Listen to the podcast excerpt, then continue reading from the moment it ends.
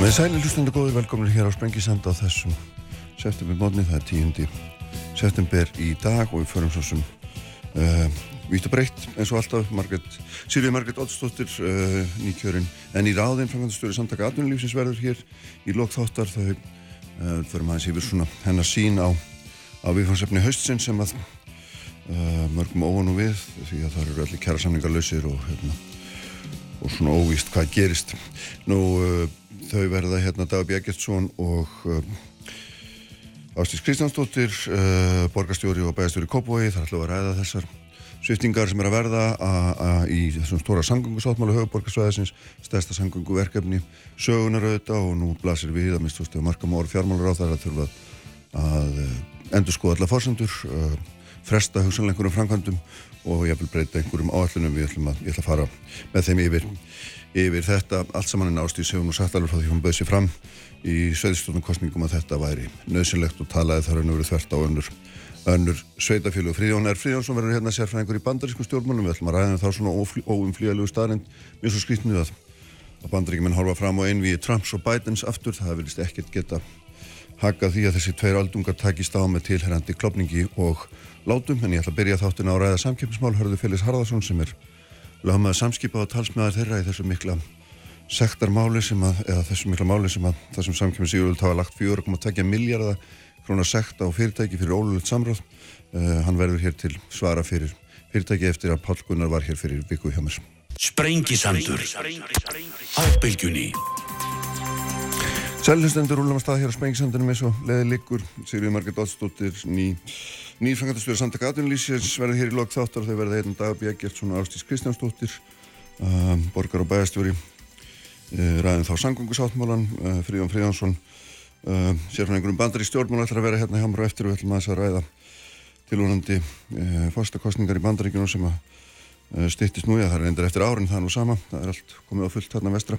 En ég ætla að byrja í samkjöfnismálum eins og ég gerði reynda fyrir viku, þá var Páll Gunnar fórstjóri samkjöfnis eftirlitsins hérna hjá mér og fóru við mál frá sínum bæðaturum uh, nú er sestur hjá mér Hörður Félix Harðarsson sem er lagmaður samskipa og hérna talsmaður fyrirtækisins í þessum máli, sæl og blessar, velkomin Sæl, takk.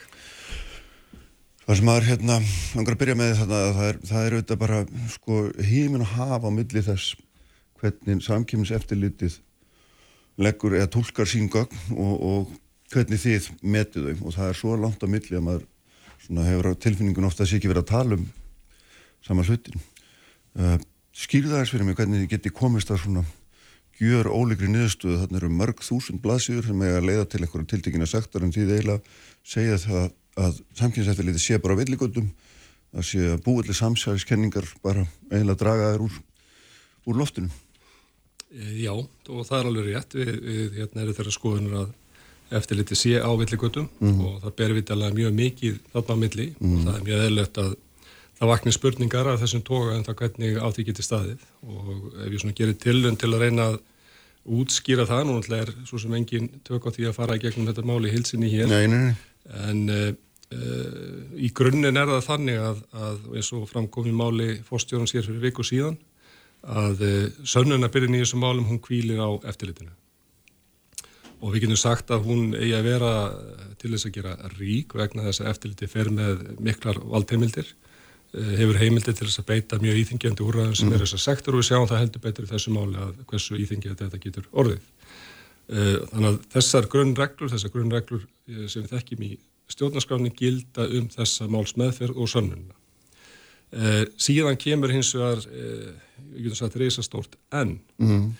Vegna þess að í þessum samgefnismálum að þá hafa þróast eh, sérstakar sönnunarreglur í Európu sem að er, er kannski ástæði til að fara þessi yfir og reyna að útskýra í stuttum máli en það er ganga í, í grunninn út á það að samgefnis eftirlitt geti sett fram álíktanir mm. og kenningar sem að í mörgum tilvíkum og þá sérstaklega í rannsókn á samráðsmálum eru byggðar einfallega á mjög brotakendum gögnum. Þetta geta verið setningar sem eru teknað á tiltingum skjölum eða jável álíktanir út frá alls ótengdum atvikum, einhverja tilvílanir mm.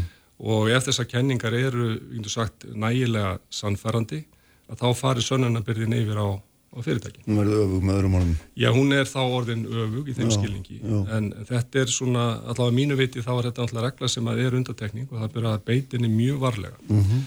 og það sem að þarf líka að huga í því er að það kvíla náttúrulega hlutlækningsskildur á, á eftirlitinu, þannig að eftirliti þarf að horfa jæmt til atvikar sem að uh, benda til sektar og hinn að sem benda til uh, síknu og, að, og það er líka kenningin í þessum eurósku fræðum að, að ef fyrirtækin sem að náttúrulega þekkja gögnin best, þekkja reksturinn vitanlega best, eh, koma fram með skinsamlegar, eðla skýringar, eh, talningum ef það er með vísan til gagna eins og mm. tilvikið er í þessu máli, eh, þá falla vitanlega þessa kenningar um sjálfa sig. Og þannig á þetta að virka. Mm. Það sem gerist í þessu máli, að mínu viti, er að e, það er einfallega mjög mikil skortur á hlutlegni í allri meðferðmálsins sem gerir það verkum og má sjá í þessar ákvörun að öllum skýringum fyrirtækjana, Já. það fyrirtækjana begja e, jafn ítalegar og að mínu veiti vel raukstundar með vísandi mm. gagna þar eru, þeim er bara einfallega hafnað. Já, já.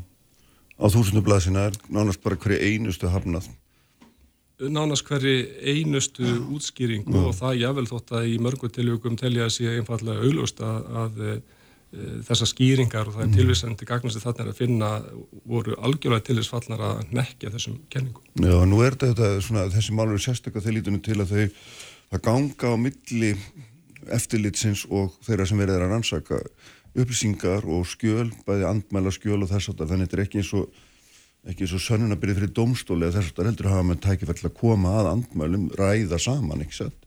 Og því náttúrulega rættu sátt við samkynnseftilitið þannig að það er ekki eins og mann hafi ekki borið saman bækur sínur en samt er þessi gríðarlegi munur á tólkun Já, það er það. Og, og það er í grunninn einfallega þannig að, að, að e, það sem að ég hef gósið að kalla samsæðiskenningar sem mm. er raunin þetta sem að eftirliti í sinni ákvörun hefur skýrt e, NR samráðsverkefnið mm -hmm sem að er eh, eitthvað fyrirbæri þar sem að er verið að spyrða saman eh, gögnum sem að fundust annars vegar hjá ymskipi sem er einhver glærukynning sem var raunin þar og samskipsmenn vitalega hvorki vissafni sáu nokkur tíman það sé ekki fyrir að svo kynning var aðfend árinu 2018 mm -hmm. Og það er spyrt saman við vinnu sem er í gangi innan e, samskipa í raunin meira og minna allt árið 2008 og gekk undir verkheitinu Revised Budget sem var mm. einfallega bara endurskóðun á rekstar áallunum mm -hmm. og það er nú þannig að árið 2008 eins og flesti þekk í dag að það náttúrulega voru heldurbyttu sviftingar á mörgum það sem gerist í rekstri samskipa og náttúrulega annar flutningafyrirtækja hér á landi á þeim tíma er að e, á því ári að þá fellur e, magni í innflutningin um 50% og við þekkjum það að, að krónan hún fjall nú heldur betur þannig að e, kostnar af rekstri flutningakerfa sem er allur notabenni í eh, ellendri mynd, mm -hmm. hann tvöfaldæðist. Þannig að það er svo sem alveg augljóst að á þessu ári þá er verið að eh, endur skoða áallanir, það er verið að gera allskyns ástafun til að bregðast við og einhvern veginn fær eftir litið það út að þetta hafi félagin verið að gera í saminu mm. og það er að vitalega engin merkjum það og þannig var þetta ekki. Nei. En það er auðvitað þannig að eftirlitið dregur þessar þessar álíktanir sínur af gríðalögu gagnamagni og þessum ákvörðunum sem teknar eru í kjölfar funda milli fyrirtækinn sem fóru náttúrulega fram síðan kom einhverjur að viðskiptilegar ákvörðunir og sem að menn síðan tengja saman ekki satt Jú. og það er svolítið verður svona stendur upp á fyrirtækið að, að sanna að þar hafi ekki verið rætt eitthvað sem mátt ekki ræða heldur bara eitthvað allt annað þessum fundum og ég menna þeir fóru fram það voru gríðarlega samskipti sem að svona hljótan og eftir á að higgja hafa talist ansi þessi skrítin? Uh, ég get einnig ekki tekið undir það að, þetta séu skrítin samskipti, en það voru samskipti. Mm. Það er engin ágreiningur um þetta það. Þetta eru tvö fyrirtæki á markaði með, með allan flutning, innflutning, útlutning til og frá landinu. Sem hlýtur, já, ég veit að 90%, já, ok, en ég vil segja allan 90%. Ég meina, það hljóta allir að sjá í hendi sér. Öll samskipti á slíku markaði hljóta að vera mjög, mjög viðkvæm. Uh, vissulega, en það er líka þannig að fyrirtæki á flutningamarka og er ekki, þetta er ekki denginandi fyrir íslenska marka, þetta er mm. þannig um allan heim að fyrirtæki á flutningamarkaði eh, þurfa að eiga í viðskiptum og það er ekkit eh, eðlilegra enn það. Mm -hmm. Ef við tökum bara einanhansflutningana hér á Íslandi þá er fjöldi axtursæðila þar eh, það eru einirkja, það eru smæri fyrirtæki það er samskip, ymskip, Íslandsbústur og ekki þessara fyrirtækja er með eitthvað leiðakerfi sem að næra á alla mögulega áfangastadi á landinu sem þýðir að ef að ymskip ætlar að koma uh, pakka á einhver stað sem að þeir aka ekki á, þá mm. þurfa að eiga viðskipti við keppinauti, mm -hmm. og það verður náttúrulega samskipti kringu það. Þetta er nú einn ángin af málunum. En að því hún nefnir þessa fundi, þá er það mjög áhugast að fara aðeins yfir það. Það er rétt að það eru fundir, nokkuð margir fundir mm. á þessu tíðanbili á milli félagana. Og það er mjög eðlileg skýring á því Eh, félagin hafa átt í viðskiptum eh, með fluttninga til og frá Norður Ameríku allt frá árinu 1993 og þetta er þannig að, að Eimskip er semst eini fluttningsæðilinn hér á landi sem er með beina fluttninga á milli Norður Ameríku og Íslands og eh, samskip sem sóttust eftir því, þarna uppalega 1993 að fá að eiga þann möguleika að senda gáma með skipunum og þetta er náttúrulega gert í því augnamiða að veita ymskipi, þessum einokunar aðeins mm. auki aðhald, mm. geta veitt betri þjónustu til viðskiptavina. Þannig að samskip kaupir flutningsrými í skipum ymskips með það. Já, já, það er, það er þannig sem þetta gerist og svo á sama tíma er ymskip náttúrulega, samskip segja að hérna flytja vörur til Ameríku í gegnum Európu og nótast þar við aðra flutningsæðala. Mm. Þannig að þetta er raunin getur satt bara svona viðbótar möguleiki fyrir félagi til þess að veita auki aðhald. Mm.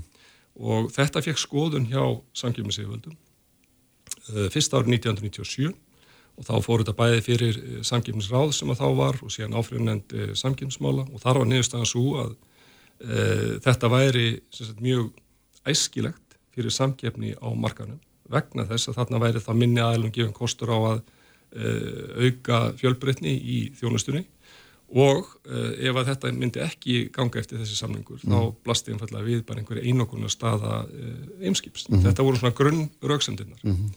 Eh, frá þeim tíma þá nána samfleitt, eh, ég held að það verið kannski árin 2000 til 2002 sem að, að eh, samskipar með samning við allandskip um sama efni en að öðruleiti þá voru þessi flutningar í gangi frá árinu 1993 og að ég held allavega fram á árið 2015 mm -hmm.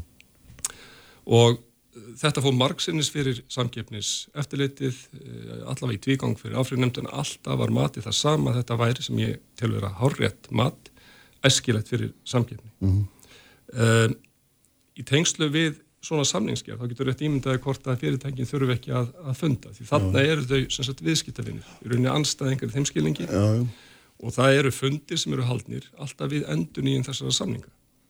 Þeir gáttu verið e, tveir, þrýr, fjórir eða fimmjavel þegar að e, svona mesti ágreiningunum var uppi um efni samningana því að e, samningsmarkmiðin í þessu tveimi félögum voru mjög ólík ymskip kannski eða málsins sangant var með áherslu á herriverð að meðan að samskiparinn að sækja læriverð og aðri samning skilmálagáttur umdildi líka. Þessa fundi sem að eru náttúrulega all nokkrir á samningstíðanbílum mm.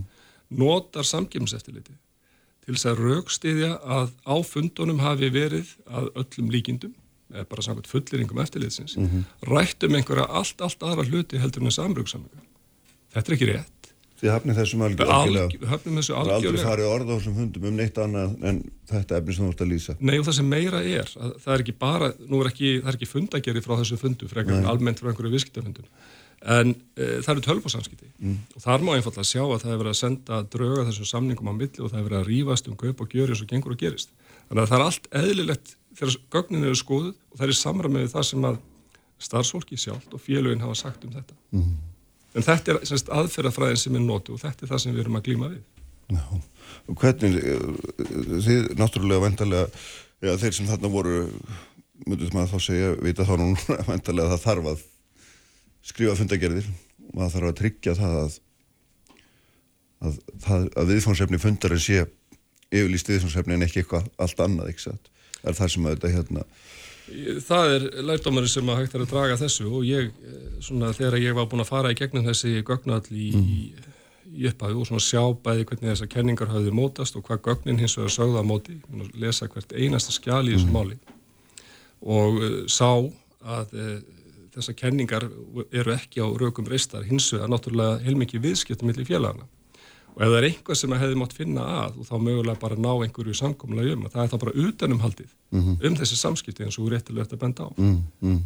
En þessi fundur þessi fundur um þessi svo kallega nýja upphaf sem er náttúrulega í grunninn eiginlega það er upphafið aðeins öllu saman það er, það er, það er grunnunum sem samkynnseftliti stendur á og það er fundur sem sannarlega fór fram milli aðaleganda samskipa, fórstjóra fórstjóra einskips og, og einhvers eins í viðbót sem er kallar NN ef ég mann rétt en er leittir að líkum að hafa verið framkvæmdastjóri Middelandasviðsins þar ég manna ekki hvað það er nákvæmlega. En sko bara slíku fundur þessara manna á þessum tíma er náttúrulega hérna í blóra við alla skinnsemi eins og staðan er á, á þessum flutningamarkaði sem við erum að ræða þar sem er bara tvö fyrirtæki.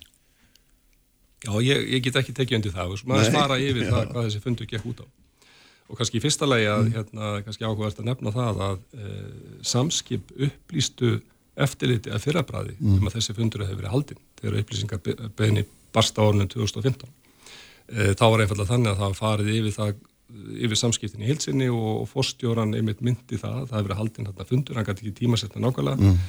og hvers efnis hann hafi verið og þetta er þannig að, að það er búið til þess að fundar að frungvæði samskipa og eins og segir að það óumdilt að þessi fundi fór fram fundin sóttu fórstjóra félagana og stjórnar formen félagana mm -hmm.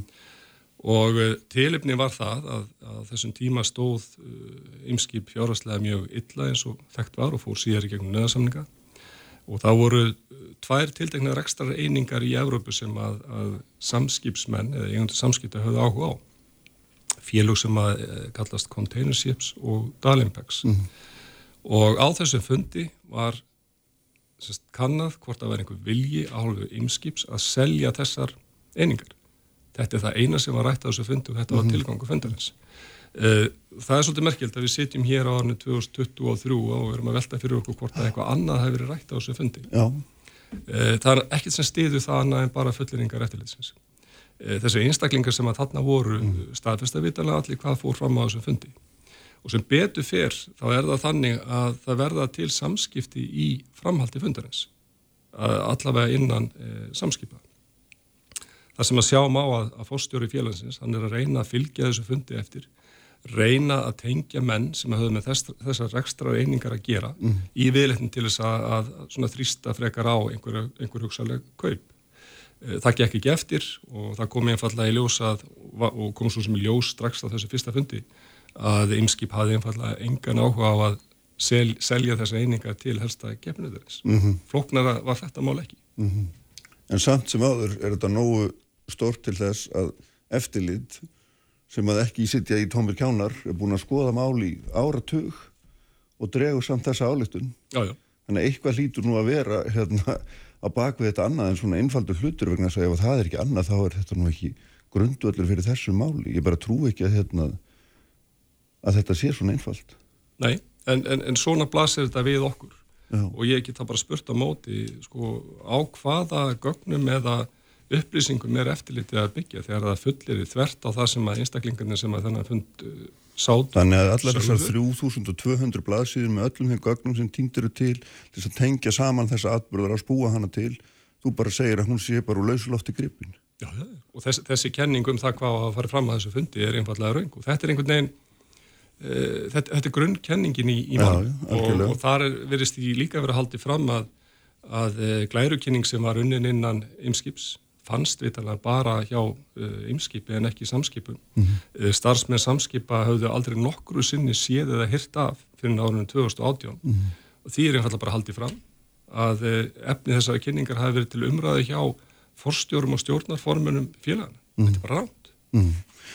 Gallin hennan málflutningarður er náttúrulega, eins og þú veist náttúrulega mæta vel sá að mótaðalið þar samskipa, ymskip, er búin að játa þetta allt saman. Er búin að viðkenna köll brotin og búin að greiða 1,5 miljard í sekt vegna þeirra. Með öðrum orðum, þeir eru búin að hjáta að samráði hafi farið fram þrátt fyrir ykkar andmæli. Það er nokkur aðtrið það stengt og það er alveg rétt að auðvitað sko, setur þetta máli allt saman í mjög enginlega búning Já. og þetta setur samskipa sjálfsögði í verri stöðu en ella, það segir sér sjálf. Mm. En kannski fyrst er þetta að hafa það í huga að, að e, þessi sátt einskips hún er ekki sönnun á broti samskipa, heldur þarf að leiða það út frá gögnumálsins mm -hmm. og það verkefni býður núna áfrinu nefndar að fara sjálfstætti gegnum all gögnin mm -hmm. og meta það einfalla hvort að þetta sönnunamatti á eftirlitinu sér. Samráð getur nú ekki verið á milli, það verður að vera einhver hinnum einn, eimskip getur ekki játa samráð við sjálfsík. Nei, en það er sko þessis, það er bara viðkjönd í Já, allt er læg, ok. Sönnunabyrjun er endi staðar já. Og, og hérna sátinsins lík verður ekki lög fram sem einhver endali sönnun þess að samráða átt sér stað. Mm -hmm. Og svo er það hitt með e, þessa sátt e, ymskipsn og það er rétt að það er viðkjönd reyndar á örfáum línum mm. að samráð hafi átt sér stað, það er ekki verið að fara í gegnum uh, öll þessi aðtök í málinu. Uh, það líkja fyrir uh, aðtöðsendur reyndar mjög ítalegar vel raukstöður aðtöðsendur einskips það sem er farið einmitt í gegnum allt máli í hilsinni og að mínu viti er það bara einfallega þannig að þar byrtist hinn rétta mynd af starfsemi félagsins og mm. samskiptum við samskip. Af hverju ákveðu félagið að stíga eftir sem áður fram á þessum tíumbúndi þegar það hafði á fyrir stígum haldið upp í mjög hörðum vörnum mm. og reynar um margt miklu harðari heldur en samskip mm -hmm. leituði til domstála eftir hérna kröfum um að, að rannsóknir er fælt nýður voru með miklar yfirlýsingar um það hvers konar offors og, og hérna brotverið þarna á, á ferðinni ákvæði síðan að setjast niður á hann 2021 og, og loka málunni og það eru ímisatri sem gerir það verkum að ég er með mjög stóran fyrirvara á uh, sáttina og uh, sagt, uh, það mat sem að það láti grundvallar. Ég horfi ekki á þannig að uh, þarna hafi stjórnundur einfallega endur með með einhverjum hætti hátsimina á tímabilinu. En það engin nýgöglaðu fram, enga nýjar upplýsingar sem að náðu mm. fyrir þessum tíma. Þetta er gert svona á loka metrónum. Uh, hvað vannst við þetta fyrir ymskip? Nokkur aðtrið í því sambandi.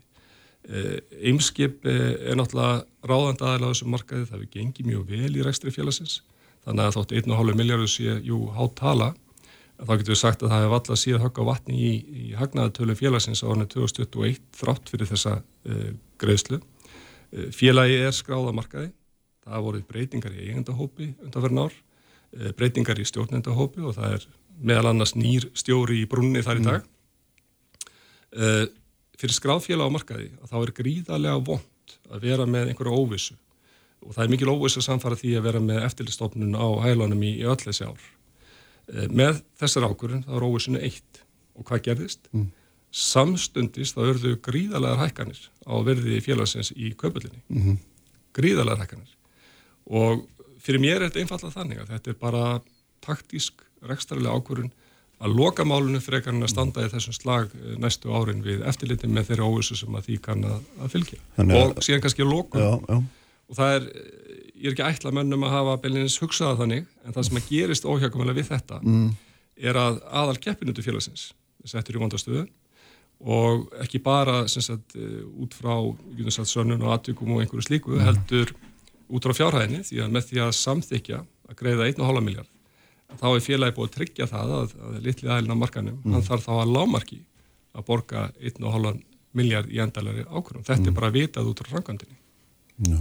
En samt sem áður stendur náttúrulega eftir þó svo þú segir að þetta séu örfá línur og svo framvís að sankynseftiliti sjálft endur tekur syngt og heilagt að eimskip hafi hérna, viðurkent öll þau brot sem þeir eru hérna, sagaður um og þetta er allt sömu brotin og samskipurisakarum, þetta er allt sama málið þannig að það að þeir viðurkenni ólulegt samráð og viðurkenni að eitthvað hafi farið fram á fundum þó þeir segja það ekki í einhverjum hérna, smáadröðum þá er það augljóslega þannig annars væri þeir ekki að viðkenna neitt þá eru þeir bara að ljú upp á sjálf og sér sög er það ekki, aldrei undarlegt Já, það er spurning hvort að þetta lítið þannig að það sé undarlegt því að þetta getur mm. verið ekstralega mjög skinsamlega ákvörðun þrátt mm. fyrir allt. En akkur er fór samskip það ekki sumuleg það var stóti bóða náttúrulega Eh, nokkra ástæði fyrir því. Mm. Í, í fyrsta lagi þá náttúrulega er eh, samskipin einfallega í allt annar stöðu.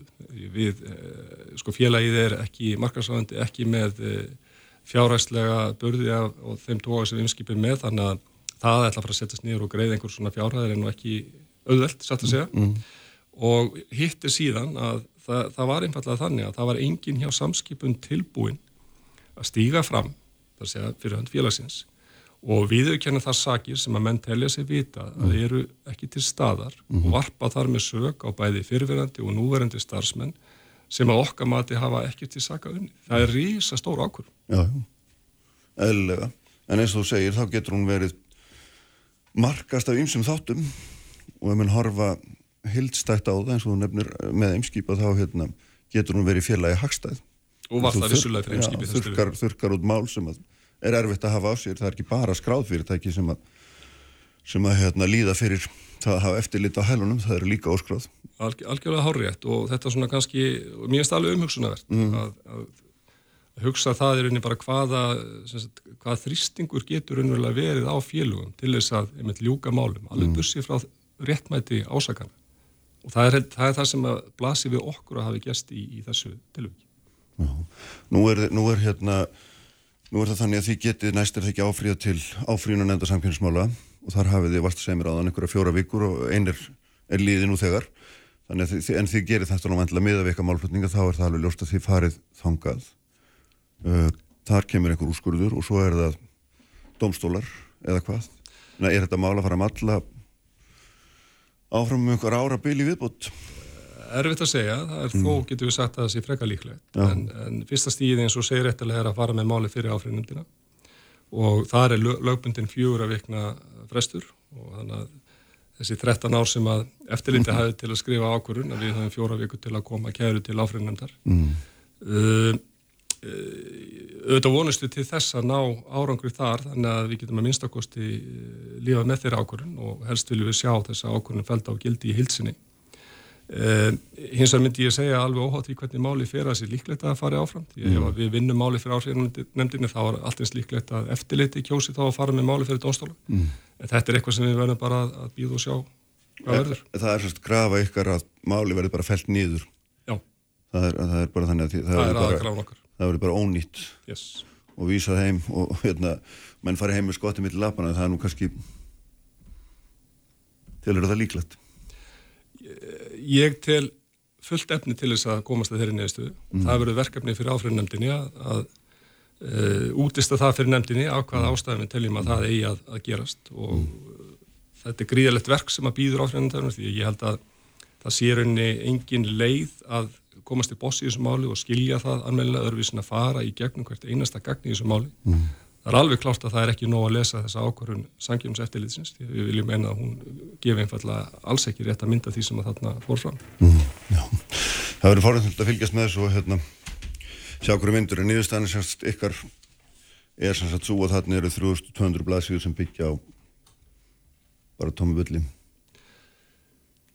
Já, já ég, ég myndi kannski ekki nota þau orð en, en ég það er þannig já, þannig eru setta fram enduteknar álíktanir og kenningar og því, þeim síðan slegið e, föstu sem staðrindum mm. sem að við sjáum engar stað í, í rekstri félagsar. Það er kannski eðlut að sé spurt hvernig þetta geti gerst og ég, svo sem aðeins að ég var svar við því að þá, hérna, þá eru nú til lærðar e, reitgerðir og kenningar mm. um það að, að byggt á ítalegum rannsóknum að það er einfallega þekkt að rannsakendur hafa mjög ríka tilneyingu til þess ef þeir eh, er að byggja á einhverju kenningu, byggja á einhverjum hugmyndum um einhvað hafi gerst til að leita einugist þeirra gagna og skýringar sem að falla að kenningunum mm. og það hefur líka verið talið að, að þessara tilneyingar uh, gæti því meira eftir því sem að málsmeðfæratími verður lengri þessu til við gerum við að horfa einhver málsmeðfæratíma sem er sögulegur það eru heil 13 ár sem að þetta mál hefur verið í rannsóknu eftirlitinu mm -hmm. Það hóst ekki rannsóknin 2013 með húsleitinni? Nei, það er nefnilega ekki þannig því að húsleitin er... Þeir eru ósamála um það líka? Já, sko, rannsóknin hófst á landflutningamarkanum 2010. Ég, þeir geta alltaf verið ósamála því því að nei, nei. það er nú bara ítalega upplýsingabeinur en það. Það stendur bara sérstaklega í greinagerðinni að hafi, þessi er hafnað hjá ykkur nákvæmlega með þeim rökum að þetta hafi hafist 2013. Hún hafi staðið yfir í þrjú ár þegar að húsleitin, já, já, en þá hins vegar var rannsóknin útvikkuð vissulega og tók til annar að þátt. Það er þannig sem þetta, sem þetta gerist. Já, já, ljómundi. Herrið, bestu þakki fyrir að koma. Takk að þér. Fríðan Fríðarsson er hérna á eftir Dagabí Eggertsson, Ástís Kristjánsdóttir og Sýrið Margret Ótsdóttir. Sprengisandur. Alla sunnudaga á bylgjunni. Sælistundur, uh, farin frá mér hann Harður Felix Harðarsson, ræðum hér samkipsmál, samskipsmáluð þetta og, og mál samkipsmáls eftir litsins þess að reysa stóru fjóra og takja miljardar sekt sem að lögðu verið fyrirtæki fyrir ólöflegt ólöflegt samráð og sínist nú greinlega sitt hverjum um réttmæti réttmæti sektarinnar. Nú Sigurður Margrit Ottsdóttir uh, nýr framkvæmstjóri samtak aðunlýsins verður hér í lok þáttur og þau verða hérna Dagab Eggertsson og Ástís Kristjánsdóttir. Ræðin þó sangöngu sáttmálan uh, blikur á lofti þar. En Fríðan, er Fríðansson í sestur hérna hjá mig sættu blessaður. Blessaður. Æminlega velkomin hérna borgarfulltrúi ráðgjafi, guðum að vita hvað varaþingmaður og, ja. en hér í sem sérfræðingur í bandarískum stjórnmálum og týður viðmælandi minni gegnum árin og hérna Staðan er þessi í bandaríkunum núna að, að, og ég var að hlusta á ídalegt viðtal við Lindsey Graham, einn helsta stuðningsmann Trumps og hérna framamann í Römbuklan Fróknum -hmm. sem sagði að það væri bara allt annað en endur hérna, en ný viðreik Trumps og Bidens væri ógsandi það, bara, það var lægi bara í spilunum og það var ekkert sem geti breytt í Já, það er reyndar ennþá, hvað, 440 dagar til kostninga eða svo. Jú, jú. Þannig að, hérna, uh, þannig að það er ímislegt, sko, menn segja sko alltaf að vika sér langu tími pólitík, mm. 440 og eitthvað dagar eru ennþá lengur tími. Það sést, ef við tölum bara, þú veist, og þetta eru báðir gamlir menn, já, það er bara það sem ég segja. Og, og hérna, bætir náttúrulega, það er skjálfest að bætir ef hann sem sagt vinnur og þá er hann hvað 82 ára þegar hann tekur við ennbætti mm. aftur, eða sem sagt uh, aftur, sér aftur ennbætti segin uh, Trump er hvað hann er 77 ára Já. 78 ára á árunu Já. þannig að hérna uh, þannig að þetta er ekki, þetta er engin unglum og, og, og, Þetta er einu fersku vindar í bandarísku stjórnmálum nei. nei, þannig að sko og ég, ég er ekkert að spá því að þeir sko falli frá eða eitthvað svo leiðis en ímislegt getur gerst já, þannig að enn eins og staðin er núna já, það bendir allt til þess að þetta verði yfirbörði, þetta verði bara uh, endutekinn leikur mm.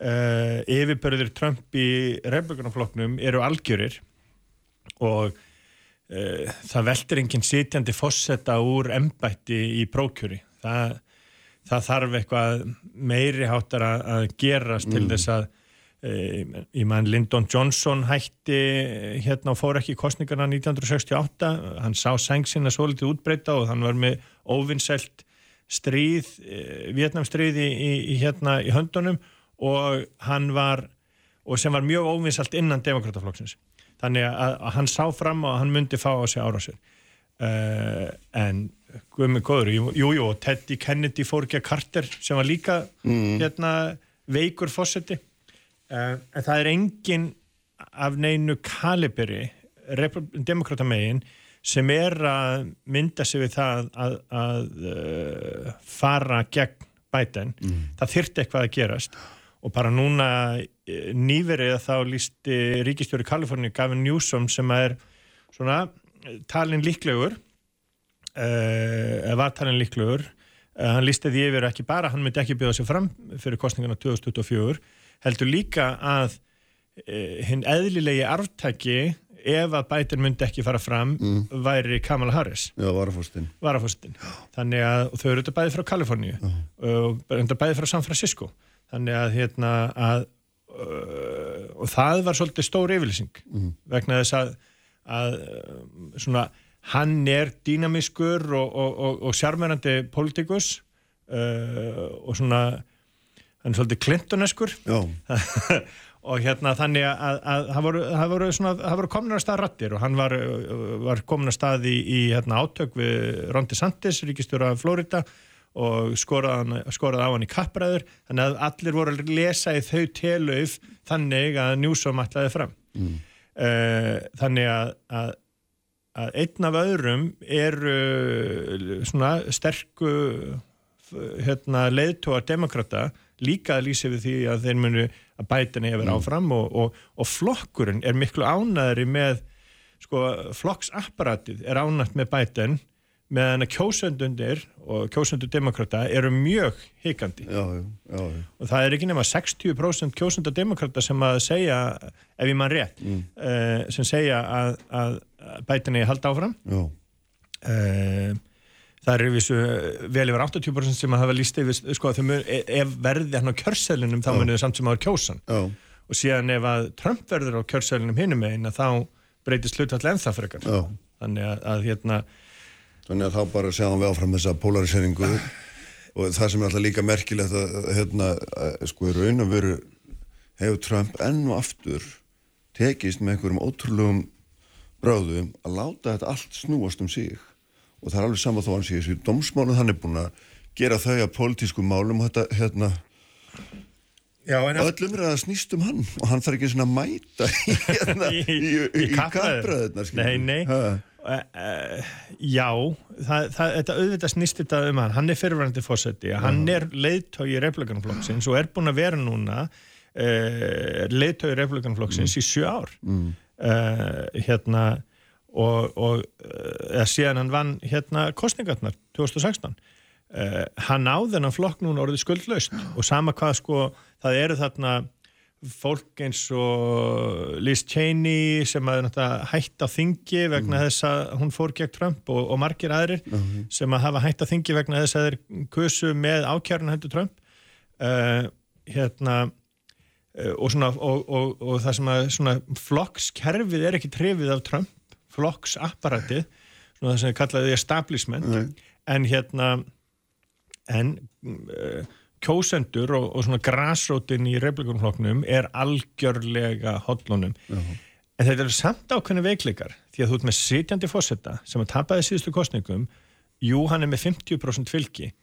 En sem sagt, fyrirverandi fósetta, Já, ekki já. sitjandi fósetta fyrirverandi fósetta, hann er samt bara með 50% fylgi Mhm. í sínum eigin flokki í að fara aftur í kostningar Mm. og það er, sko, hann ætti í raun og veru að vera með meira uh, ef að hérna, hann væri ekki svona umdeltur og ef Mm. hann væri ekki með þessi dómsmál á bakkinu sem eru öll að fara að skella á Já. í upphafi ás upphafi næsta ás Já, já, og akkur þegar prókjörn eru já, já, akkurat. og, og ef að hann En- tapar einhverju þeirra Já, ef hann er dæmdur í fangelsi hann getur haldið áfram, hann getur haldið áfram hann getur verið kosin fósitið þó hann siti í já, já, fangelsi jú, jú. Þá þarf hann að byrja því að kannski að náða sjálfan sig. Já, en kannski kemst hann ekki að serja embættiseiðin vegna þess að þetta er náttúrulega þetta er einhverjar svona spurningar sem er svo erfitt að, að, að, að ræða. En það er líka fyrir að, að hann geti náð kostningu, verið í frambóðu og náð kostningu þó að hann siti þótt að hann er dæmdur í fangilsi fyrir Já. einhverjum málum sem að hann, eh, sem að hann hefur verið ákjörður af, af ákjörvaldinu Já, já, nákvæmlega. En það sem er merkilegt líka í þessu er að, er að sko það er hvernig svona refluganar mjálsmetandi eru að reyna að meina, gera lítið úr dómstólum í bandaríkjunum í þessu máli með því að eins og, eins og ég vitna eftir í Lindsey Graham að, að hérna sé bara Donald Trump fær aldrei sangjarnar meðferð í það sem hann kallaði liberal state sko, það verður að flytja réttarhöldin eitthvað annað. Og þetta er nákvæmlega, nákvæmlega sama á Ron DeSantis sem er nú aðal keppinu til Trumps. En byrjar að taka undir þetta líka.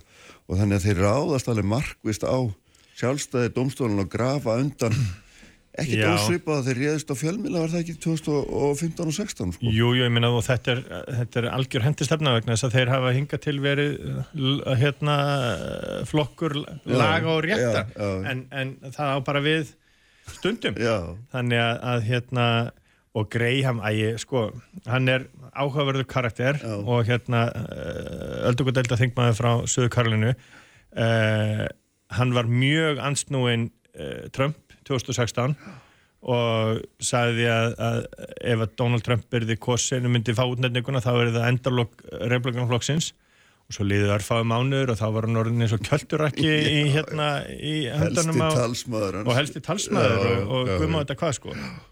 En að það er ekkit fyrir prinsipunum mikið að fara þarna Nei, nei, nei. þannig að sko þe- þetta verður allt saman uh, svakalega áhugavert eins og segi út af þessum dómsmálum og hvernig þau spilast inn í síðan aðdraganda kostningunum manni virðist vera sem að demokrater séu svolítið að sætta sig við Biden uh, og vona að hann haldi lífi og, og gera ekki eitthvað meiri háttar mistök sem að mér finnst vera uh, þetta er svona þetta er mikið fjárhættuspil mm. vegna þess að það eru allir að tala um það að hann sé allt og gamall. Já, og uh, það eru og, og kjósendur almennt finnst hann vera kjósendur almennt finnst hann vera of gamall og ef að það verður eitthvað eitthvað atvik í kostningabarátunni í aðdænanda kostninga uh, örfáum dögum fyrir kostningar það getur bara orð, haft meiri háttar áhrif. Mm. en þeir virðast vera stóla svolítið á að þessi dómsmál lendi á honum af mikill í hörku. Uh, það verður þetta erfitt fyrir hann að standa í kostningabaróttu uh, fyrir Trump að standa í kostningabaróttu uh, þegar hann er í sko dómsmálum í janúar, februar, mass Já, já. á næsta ári, það er þegar að prókjörstímabilið er. Já, og alveg fram í mæ og þá er þá sem að svona kostningabaróttan byrjar. En ég er ekki starrendin svo í hvert skipti sem að byrt, honum hefur verið byrt ákjara þá hérna þá ekki stuðningurinn við hann? Já, það, hann sapnar allavega peningum já, við það, það er alveg rétt. Uh, og honum tekst einhvern veginn ennþá að, að staðsetja sem, sem svona utangarsmann sem er á leiðin inn í og, Já, og, og dómsmálinn í- hjálpa til við það. Já, já, Algjörlega. já, Þannig að, og, og almennt séð og þegar maður lítur svona sögulega yfir að þá eru utangarsmennir oftar sem, þeir sem að vinna í fórstöldukostningum vegna þess að, að uh, þar sem að valdi sapna saman að almenningur er almennt virðist hafa ákveðin svona uh, ímögust á hvort sem það heitir Washington DC eða Brussel þá, hérna, þá, þá, er bara, þá er það þannig að, að, að fólk hefur svona varan á. Já, já, nákvæmlega. Og það sem er náttúrulega líka ljóst í þessu er, er það ekki að sko Gaurinn eins og Mike Pence og Chris Christie sem hafa verið svona stærstir á meðal anstæðinga hans, þeir eiga engan sen, þeir eru genið svona með, sko, ég heldur ná ekki svona tveggjastæða tölu í... Nei, nei, DeSantis er hérna eini sem að eh, nær hérna tveggjastæða tölu og svo uh, Ramasvæ mm. hefur verið svona að skjótast upp núna uh, það er maður hefur svona tilfinningunum samt sko að það, þar fari á það sé á ferðinu svona karakter sem að sem að sko uh, er auðvelt að, að fyrir fólk sem er að leita og leita mm. einhverju öðru en Trump að þá sé auðvelt að, að stökka á hann en síðan þegar að hann muni fara í gegnum svona nálaraug og skoðunarinnar mm. að þá mun hann lenda í vandræðum því að hann hefur sagt alls konar hluti í gegnum tína en svo segið, svo verðum við með Trump þannig að, þannig að það er ekki eins og það er ekki eins og, og, það hafi svona eh, sett hann úr leik það sem að, hann hefur sagt sko. Nei, nákvæmlega. Uh, Nikki Haley er líka sem að var uh, sendiherra til saminu þjóðan hjá Trump og, og ríkistjóri Karolinu uh, er að hérna er að eiga svona smá svona stund akkurat núna. Og hún gæti orðið því að hún er að, það er að koma skoðanakanninni sem sína það að hún, ef hún væri gegn bæten þá myndi hún vinna bætin já. mjög öruglega uh, hins vegar sko vegna þess að replikanar eiga í mjög miklum vandræðum með atkvæði hverna vegna þess að þeir eru með þessi hérna, þessa ótrúlega ómanneskjölu og ömurlegu stefnu í málumnum eh, fóstureyðinga mm. þannig að hérna að eh, og þess vegna töpuð þeir kostningum 2022 og 20 og 20 mm. og 18 sagt, eða, eða náð ekki eins miklu fylgi eins og þeir held að þeir myndu ná. Þannig að, hérna, að, að konur hafi verið að yfirgefa republikanflokkin mjög mikið. Þannig að, að það, það er svona það, þá myndu ná einhverjum prósendustegum tilbaka ef að hún væri í mm. frambóðu og hún er alveg hæf manneskja. Uh, og af innflytjandi ættum og, og svo framvegist þannig að hérna, hún er líka sko, hún brítur sér út úr uh, þessu hefðbundna Mike Pence, Donald Trump kallar í dökkbláum jakkafötum með rauðbindi Já, nákvæmlega.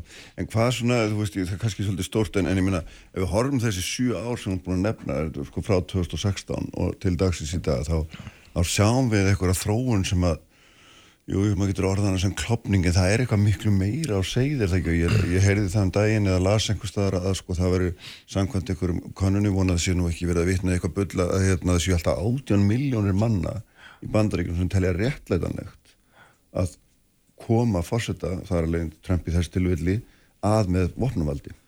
Já, ég þekk ekki þess að törna sko en ég, ég trúi því að, að sko það, það er verulega stór hópur þarna uh, það er rétt, það er sko þetta eru samt sko umskipti sem eiga, eiga sér stað eiga sér sko að þetta rekja aftur til svona 1964 þegar að, þegar að Lyndon Johnson uh, hérna kemur í gegn uh, hérna uh, lagabalki um hérna jöfnum millir kynþáta og og svona réttlætis hérna lögjöf og þá sko hérna klúklús klanararnir sem allir voru söðuríkjamenn í demokratafloknum mm. og, og ef maður lítur yfir söguna og sér sko rasista atkvæðin og, og rasista uh, pólitíkusuna þá eru þeir miklu miklu fleiri í demokratafloknum sögulega séð en það sem gerðist þarna var það að það örðu um polarisering eða umskipti mm. í bandaræksu stjórnmálum og uh, þeir og republikanar fóru að, að, að að vinna atkvæði söðuríkja megin og eiga núna söðurið kvíta söðurið, mm, þar að segja mm. og, og þetta er svona og þetta er raun og veru bara þróun sem að he, ég held, held að sé uh, áframhaldandi og, og núna í kostningu 2016 þá unnuður uh, sá Van Trump uh, ómentað kvít hérna, fólk í verkastjætt mm. sem að hefur mjög svona þungar skoðanir í, í málöfnum kynþátta og margt hvert, ekkert allt auðvitað, mm. sjálfsögum að maður á ekki alhafa svona, mm. en og það og, og, og svo sagt, þannig að, að, að, að henn kvíti meirhluti sem er minkandi hratt, uh, hann er að svona færast meir og meira yfir til republikana uh, og hérna meðan að, að, að fólk af öðrum kynþáttum og, og, og hérna og blandað og svo frammeðis yfirknæfandi mm. kýs uh, demokrata mm. og þess, og, og Trump verðist hafa svona hraða þessari þróun þarna 2016 með því að ná til sín þessum svona óþóls atkvæðum um það og óana í atkvæðum um hvernig kerfið er og hvernig lífið er og þetta voru ríkir líka sem að fara svakalega illa út úr þessum uh, ópjóðafaraldri uh. þannig að það er mikið vonleysi þarna og atvinnuleysi og svo framvegis þannig að hérna og þetta allt saman sapna sér í kringum Trump og hef geldur varu og, og, og var líka sko skeptisk á Obama mm. þannig að, hérna, að hann náði því svona til sín þannig að, að þessi veist, það sem maður hefur áhugkjara að vera sko að, að í raun og veru sko sé svona annað kynþáttu uppgjör einhvern veginn í, í, í, í hérna framundan Já. í bandaríkjónum sem að varðu þetta með óerðum og, og látum og miklum átökum á, á sjöndarátöknum en það getur hald, sko, splóðna, sóðuð upp úr aftur vegna þess að, vegna þess að þetta er, það eru ótrúlega stóri hópar undir vopnum uh, og, og sagt, liðfræðin og sagan er hvita meirhlutanum í bandaríkjónum alls ekki í vil. Mm. uh, þeir svona, innan tíu ára ef mann rétt að þá verður þeir orðinir minni hluti kjósenda. Uh, og, og, veist, og þetta er auðvitað ekki þannig að þetta séu bara kvítir gegn lituðum eða eitthvað svolítið, það er alls ekki sko. heldur er það þannig að, að, að hérna að, og, og eftir sko mentaðir kví, mentað kvítt fólk er yfirgnefandi með hérna demokrátum þannig að, að þetta er ekkert eitthvað svona, þetta er ekki eitthvað kynþáttalínur beinar nei, sko. nei, nei. en þetta er áhugjefni mm. og þetta er áhugjefni hvernig þróunin er í bandaríkjónum, bæði þessi polarisering og síðan allur þessi svakalegi vopnaburður og svo bara hvað fólk var tilbúið til þess að gera á, á 13. fyrir þremur árum síðan já, já. þannig að hérna, við erum að dæma fólk í fangilsi fyrir unnvarpu mjög náttúrulega náttúrulega já, og það sýnir líka sko, hérna, hvað réttarkerfið tekur langan tíma Uh, veist, þetta eru þrjúar þar aðeins hraðar heldur en hérna hjá okkur við höfum að hlusta á hérna 13 ára rannsó uh, en hérna en sko og þess vegna er alveg skiljanlegt líka að dómsmálinn gegn Trump er að koma inn á næsta ári mm. og núna á næstu mánuðum vegna þess að réttakjörfi tekur svona langa tím, hún er byrt ákjara fyrir einhverjum, hvað, tveimum mánuðum síðan eða svo. Og svo er, sko, svo er réttarhöldin 6 til 8 mánuðum síðar mm. og, og rannsóknin er búin að taka allavega tíma mm. þannig að, jújú, jú, þetta er alveg þetta er, þetta er, þetta er, veist, þetta er gríðarlega forvendilegt oh. óbáslega áhugavert en maður hefur áhugjar því og, og ég segi líka sko bara sem sko sem uh, hægri maður á Íslandi mm. og að, að mér finnst áhugjafni hvernig uh, hægri flokkurinn í þessu stærsta liðræðisriki í heimi er að þróast mm. og hvernig sömur hérna, mér sé að hér á Íslandi ber eitthvað í bætefláka fyrir Trump og, og hans kona sem er algjörlega anstætt öllu því sem að sko hægri menn á Íslandi hafa alltaf staðið fyrir mm.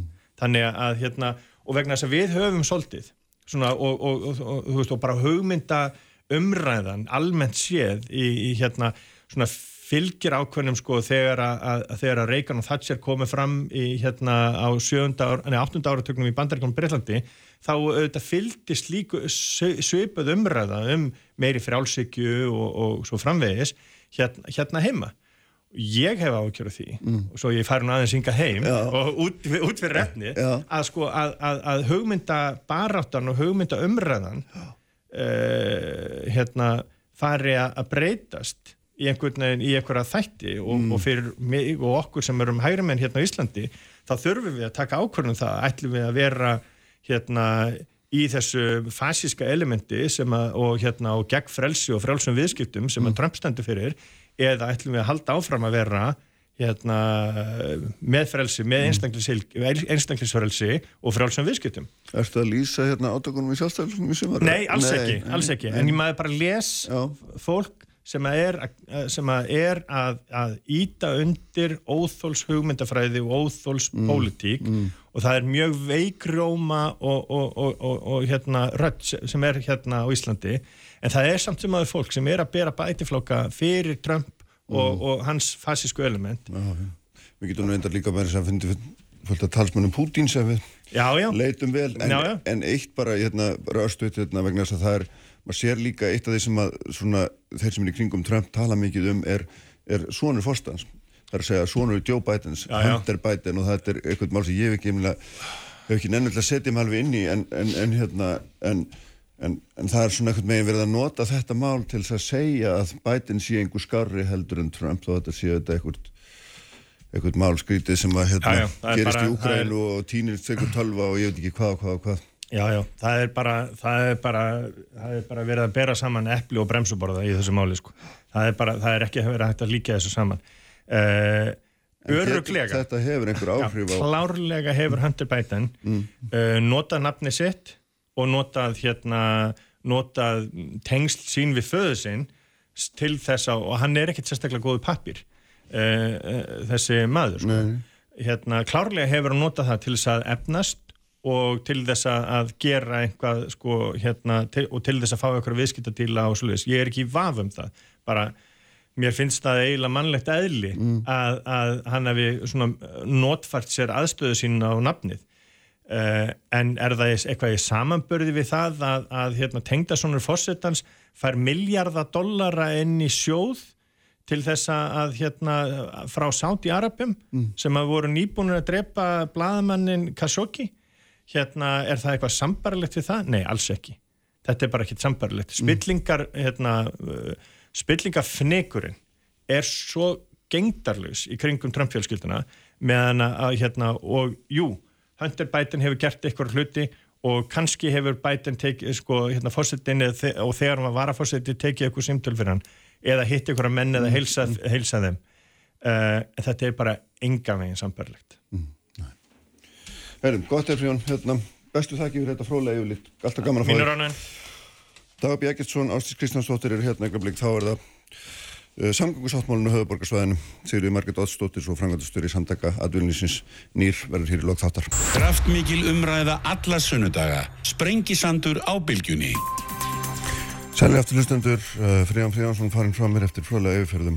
Stöðun í bandarískum stjórnmálum uh, uh, Sigriði Margrét Oddsdóttir verður hér frangandastur í Advilnisins og eftir en þau eru sest hjá mér Ástís Kristjánsdóttir sem er þetta bæðistur í Kópói og Dagar Bjækilsson borgastur í Reykjavík, sæla blessu bæðtu velkomin. Takk. Fyrir. Sko, þarna fjármála efnarsáðara ég var afdráttalauðs í, í sístu viku þar sem að hann hérna eiginlega lísti því yfir að þannig stóra uh, samgöngusáttmála höfuborgarsvæðinu þyrfti endur skoða frá grunni að notaði nákvæmlega þá orðalega í frétt í ríksútvarpinu og hérna þetta var svona daldi yfirvóðandi, hann er búin að vera að tala eins um þetta á síðustu dögum og vikum á flósvarsfundinum og hérna hann sér miklum ásvönum yfir kostnaðinum og, og hérna og svo framvegis. Og, og, og þetta er svona aðeins nýr tótn þetta er risastórt verkefni, þetta er stærsta samgönguverkefni Íslandsögunar þetta- í heilsinni og svona mikil tíðindi ef að ef það er rétt að þetta hafa allt verið vannáallad og, og, þurfa að koma til einhverja mikillar endurskoðunar. Og mér langar aðeins að hérna, taka húsa á ykkur teimur um þetta vegna að hérna, ástýst þú náttúrulega í þinni kostningabaráttu þetta var eitt af því sem að hérna, einkendi þig í, í því að þú lísti því þá strax yfir að þetta væri nöðsynlegt að endurskoða þetta. Þá vildur nú ekki gefa upp nákvæmlega hvað það væri sem þú, hérna, vildi láta endurskoða. En þú kannski getur verið opinskári með það núna. Finnst þér við að vera sild í strand með þetta eða hvað, hvað finnst þér? Um, það sem ég nú talaði fyrir í kostningabaróttinu var bara við viljum skilvirkar og haugamar samgöngur. Og það eru þetta bara fórsynda þess hér við að sjá að, að fólk eh, situr í umferð dag frá degi klukkutímanum saman á mótnan og síðdeis og, og við verum auðvitað að leysa þennan vanda. Og við viljum öll mannsamandi samgöngur. Um, það sem hins vegar, ég verð nú bara að segja eins og ég er að nú er rétt rúm ár síðan að ég settist í, í bæjastjórastólin og fór þá að rýna þennan samgöngu sáttmála og mér var verulega bröðið mér var brúðið yfir því hvernig að áallunum var staði, það var augljóst að það var verið að vana áallega ímsa framkvæmdir. Og sem dæmim á og eins og ég hef bent á ofnbellega grein að, að hérna sæbrotastokkurinn bara sí svona fór úr því að vera 2 miljardar, ég held að sé að vera áallega hans í 27 miljardar í dag. Um, en auðvitað sem bæjarstjóri ber ég ábyrð á verkefninu. Mm. og mér fannst bara hérna, ábyrð mín vera slík að ég benti á að við þurfum að fara í endurskoðun á þessum sáttmálu, við þurfum að vita hvað við höfum í höndunum. Við þurfum að fara þetta, þetta er vandi höfuborgarbúa sem við þurfum að leysa en við þurfum að vera skinsum og þetta má þetta bara ekki kosta hvað sem er. Mm -hmm. um, þá jafnframt finnst mér og ég verð bara að segja eins og hér óskiljanlegt að sveitafélög hafi gengið inn í samgangusáttmála og undirritað hann fyrir fjórum árum síðan án þess að uh, það var komið að viðræði voru hafnar um rekstur borgarlínunar rekstur og hágæða almenningssamgöngum. Og við sjáum það öll að sveitafjölu hafa ekki fjárhastlega burði til að reka borgarlínu, reka hágæða almenningssamgöngur. Uh, aðkoma ríkisins þarf að vera með einhverjum, einhverjum hætti og, og það er það sem að við hér sveitafjölu og höfuborgarsvæðinu mm. erum að ræða við ríkið og ég kalla það jafnframt eftir því. Ég kalla eftir því að við myndum fara yfir áallanir, við þurfum að vita hvað við höfum í höndunum mm. og við þurfum líka að ræða það hvernig við ætlum að haga rekstraformi á borgarlínunni. Mm og þá er ég þetta bara að standa vörðum hagsmunni kópásbúa og sem á höfuborgarbúa en ég vil hins vegar e, ítreka það að ég er ekki á móti borgarlínunni, ég er ekki móti samgöngusáttmálanum við og ég held að allir eru sammála því mm -hmm. að við viljum e, góðar samgöngur á höfuborgarsvæðinu mm. og það eru auðvitað bara ábyrð okkar stjórnmálamanna, ríkis og sveitafélag að leysa þennan vanda. Mm -hmm.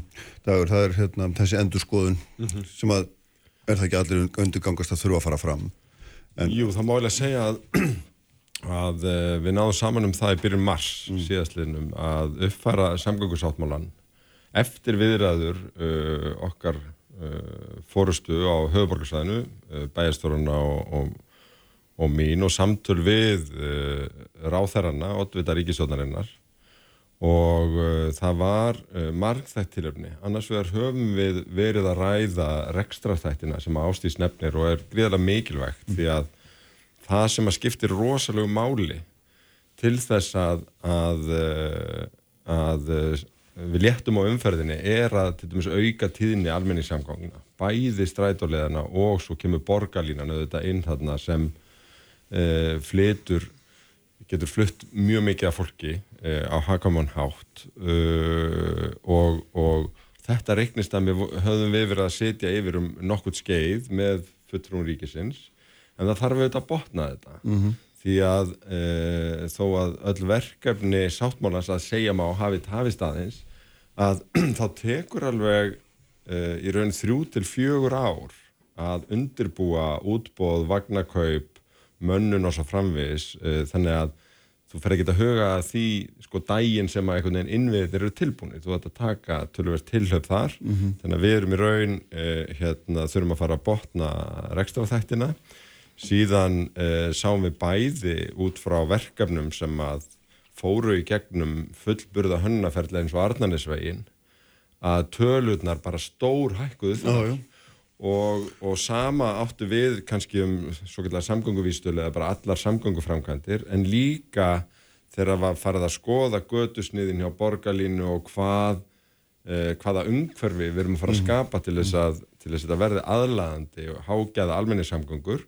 að, að þá, þá þroskuðust þessar áallinni meira Ertu ekki að segja bara já, en ertu ekki bara að segja með öðrum orðum að, að hérna, það sem Rita var undir mm -hmm. var fullkomlega hérna óskoða í raun og veru. Þetta, þetta er allt svo hérna gigantíska breytingar og það hérna átt eftir að botna rekstur mér finnst eitthvað svona, svona undir hvað var eiginlega verið að skrifa? Svona, eitthvað svona loftkastala bara. Nei það var verið að skrifa undir framkvæmda áallun mm. og ákveðna tíma áallun Já.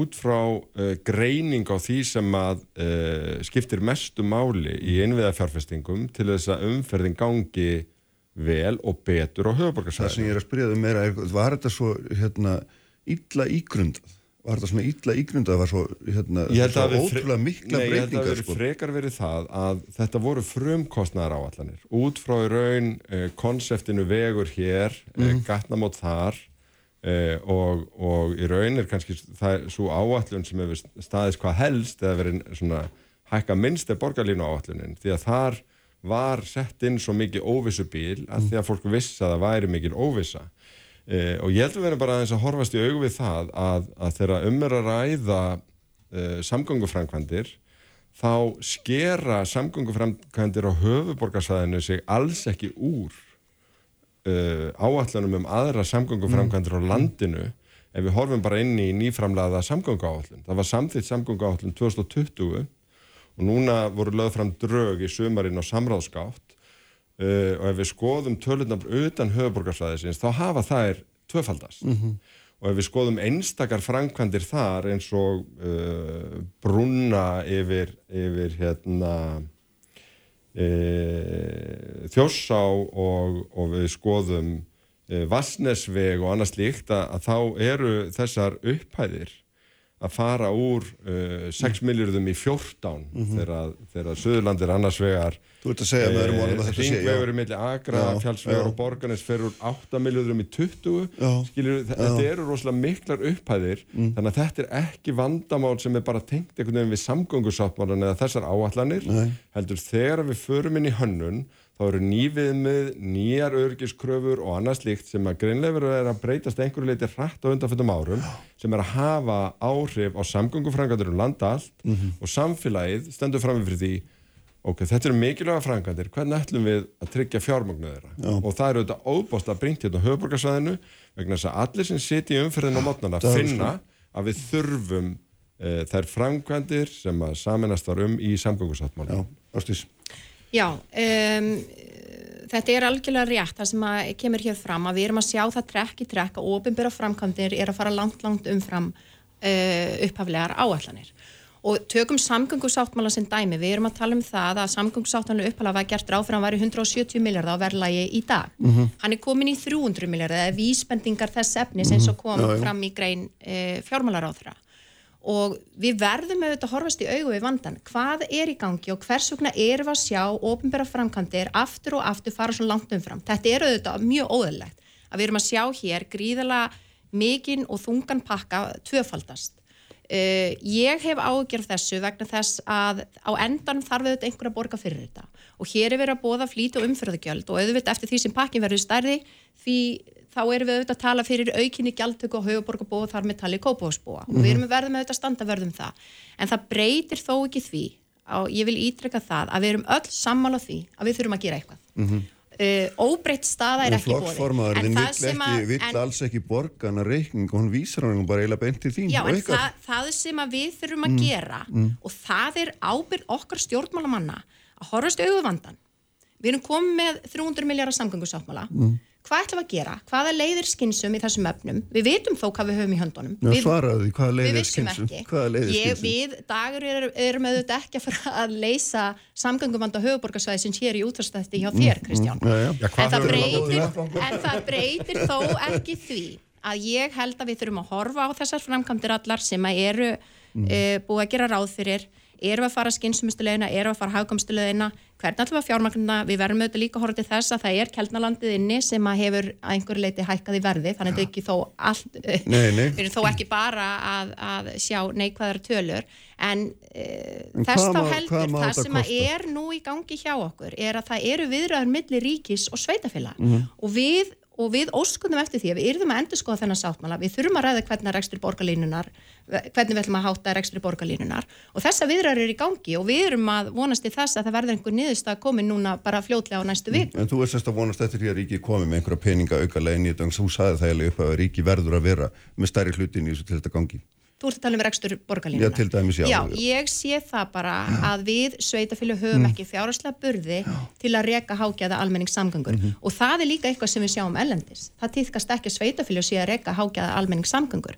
Þannig að þetta eru viðrað sem við eigum milli ríkis og sveitafélag. Mm. En svo er það auðvitað framkvæmdir, stoppvegi, brýr og annað sem er inn í þessum samgöngur og nú vitum við mm. hvernig áallunin lítur út og nú þurfum við bara að ræða það e, með fullri alvöru hvernig ætlum við að forgansvara verkefnum? Hvað er það sem við getum gert núna til að leysa þennan bráðavanda?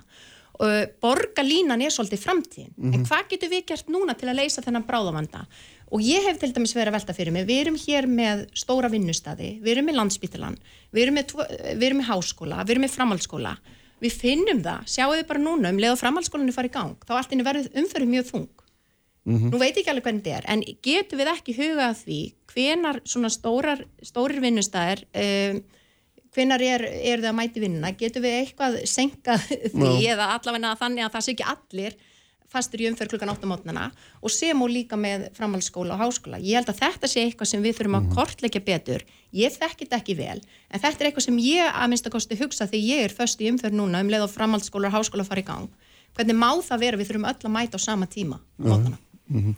Mhm. En sko, er, er, er, við, er þið sem með þessi mál fara að sammála um það að þurfa að breyta forgangsröðun, það þurfa að lengja frangvæta tíma, gera einhverja rótaka breytingar á þessari tíma áallun sem að upphálega var og hún er þetta færst, ég veit að hún hefur færst eitthvað nú þegar en að þurfa að færa hana en þá meira til og, og svo bara er þessi grundalega spurning menna 300 miljardar ef það er svona viðmiðun að tala, er það eitthvað sem að hérna Er það eðlilegur kostnaður eða- eru margar spurningar í einu Já, já, við þá því, þú að- ert snjall að svara þannig að ég hef gákir ég skal reyna. Í fyrsta lagi Mm. að þá skiptir óbáslega miklu máli að það verði ekki hik á því að ráðast í þær framkvæmdir sem skipta mestu máli upp á samgöngur uh, framtíðarina hérna á höfuborgsvæði. Þannig að við sko förum þær leiðir sem við orðið sammála um að, að skipti miklu máli. Forsvarsbrún er, er ágætið stæmum það og fyrsti áfangi borgarlínu.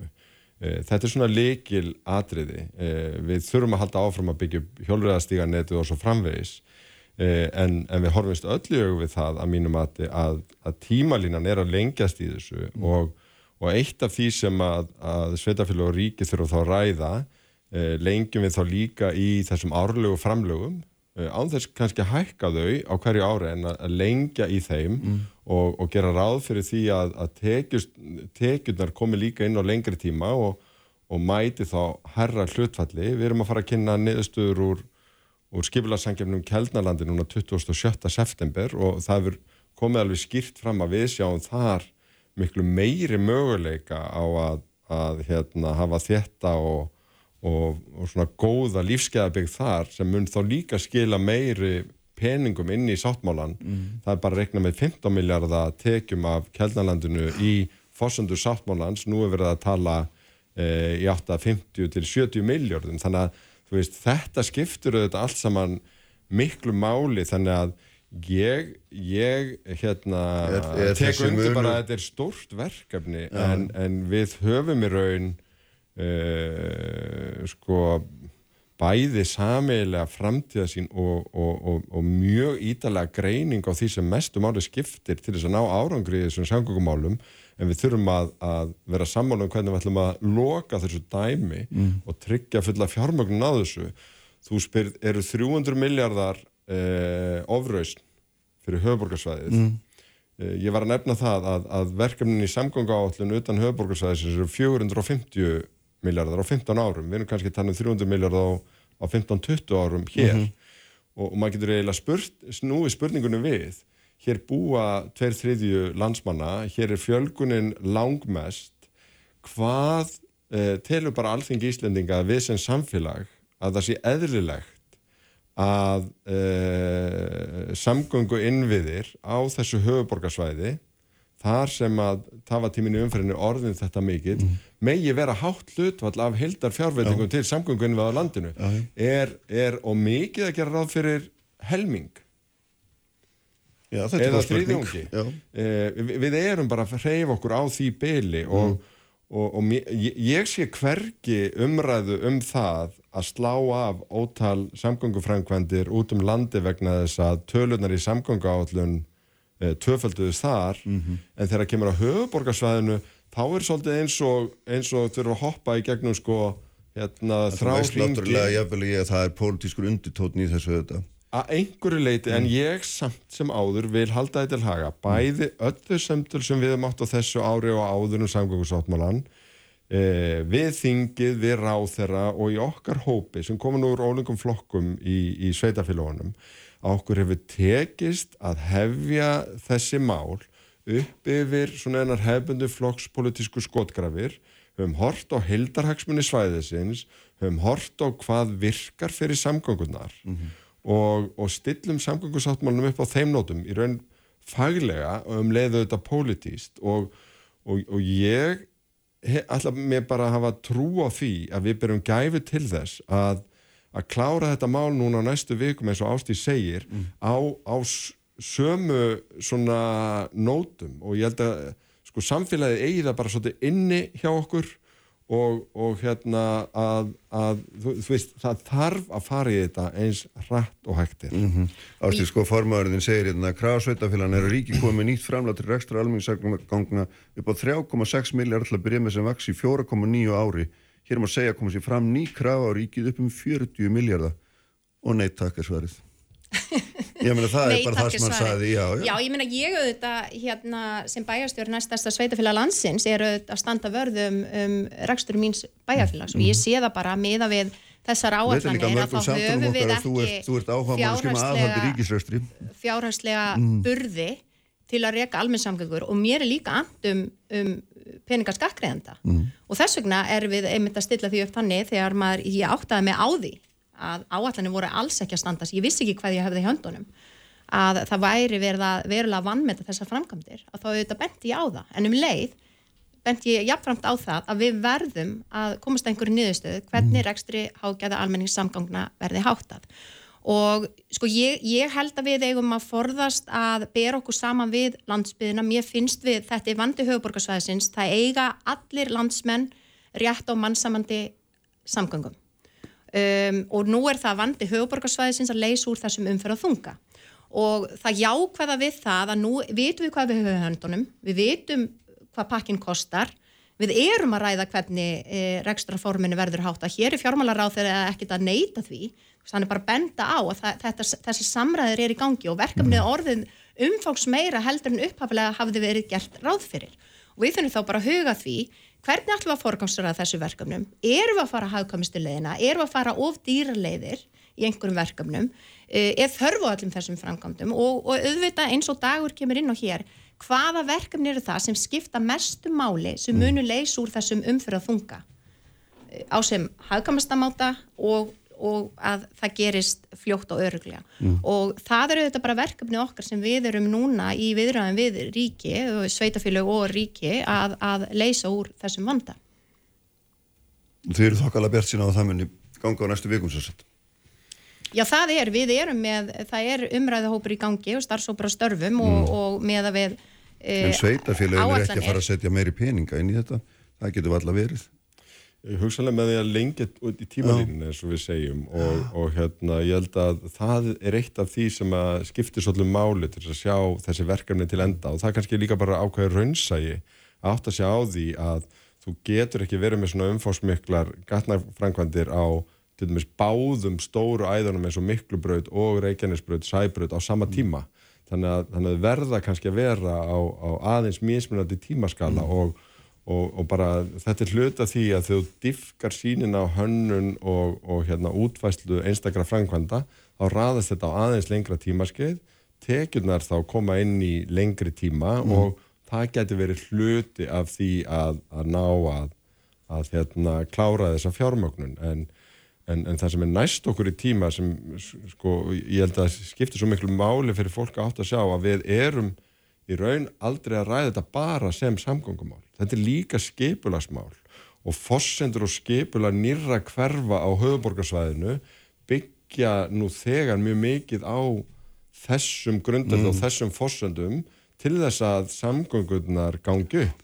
Hverfi Reykjavík eru hluta því, keldur verða hluta því en líka þetta með Kásnesi í Kópavogi og samspil Kásnesins við Fossvorsbrúna er, er, er bæði auðskiljanlegt en en óbúinlega nöðsinn þetta fólk fari ekki út í þessu umræðin sem að svolítið séð á undanföndum dögum og vikum og bara einhvern veginn hendi einhverju svona leikil þætti úr pakkanum mm. út vegna þess að, að, að svona að vanhugsuðu máli því að, því að Kásnesi þar fósfósbrú eins og Kjeldnalandi þar brú yfir eh, ellu á vokk. Mm.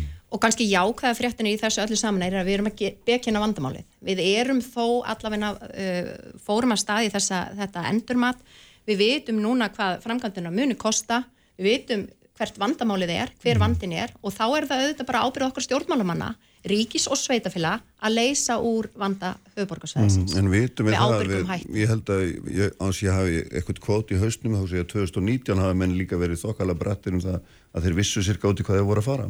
Já, já, mér finnst Mm. verulega ámælisvert að það hefur verið farið af stað með, með þennan samgöngusáttmála því að á- áætlanir voru ekki betur unnar og Mm. líka það að sveitafjölu voru ekki búin að hefja eða komist einhverju niðurstöð er snýrað rekstri borgarlínunar og auðvitað líka horfandi til þess, það eru fjögur ár liðin og það hefur nánast ekkert gerst í alvöru, við við, að við séum enn á þessum stað. Er auðvitað líka ámælisvert en, en við verðum þó bara að líta, vera bjart sín, horfa fram á veginn og vonast til þess að við komumst af einhverju skinsamlegri niðurstöðu uh, og tryggjum hér skilvirkar samgöngur en þó auðvitað stöndum vörðum um skattfjö landsmanna En svo eða getur nú alltaf verið sáttur í þessi orðdagur með að það hafa ekkert gerst á fjórum árum.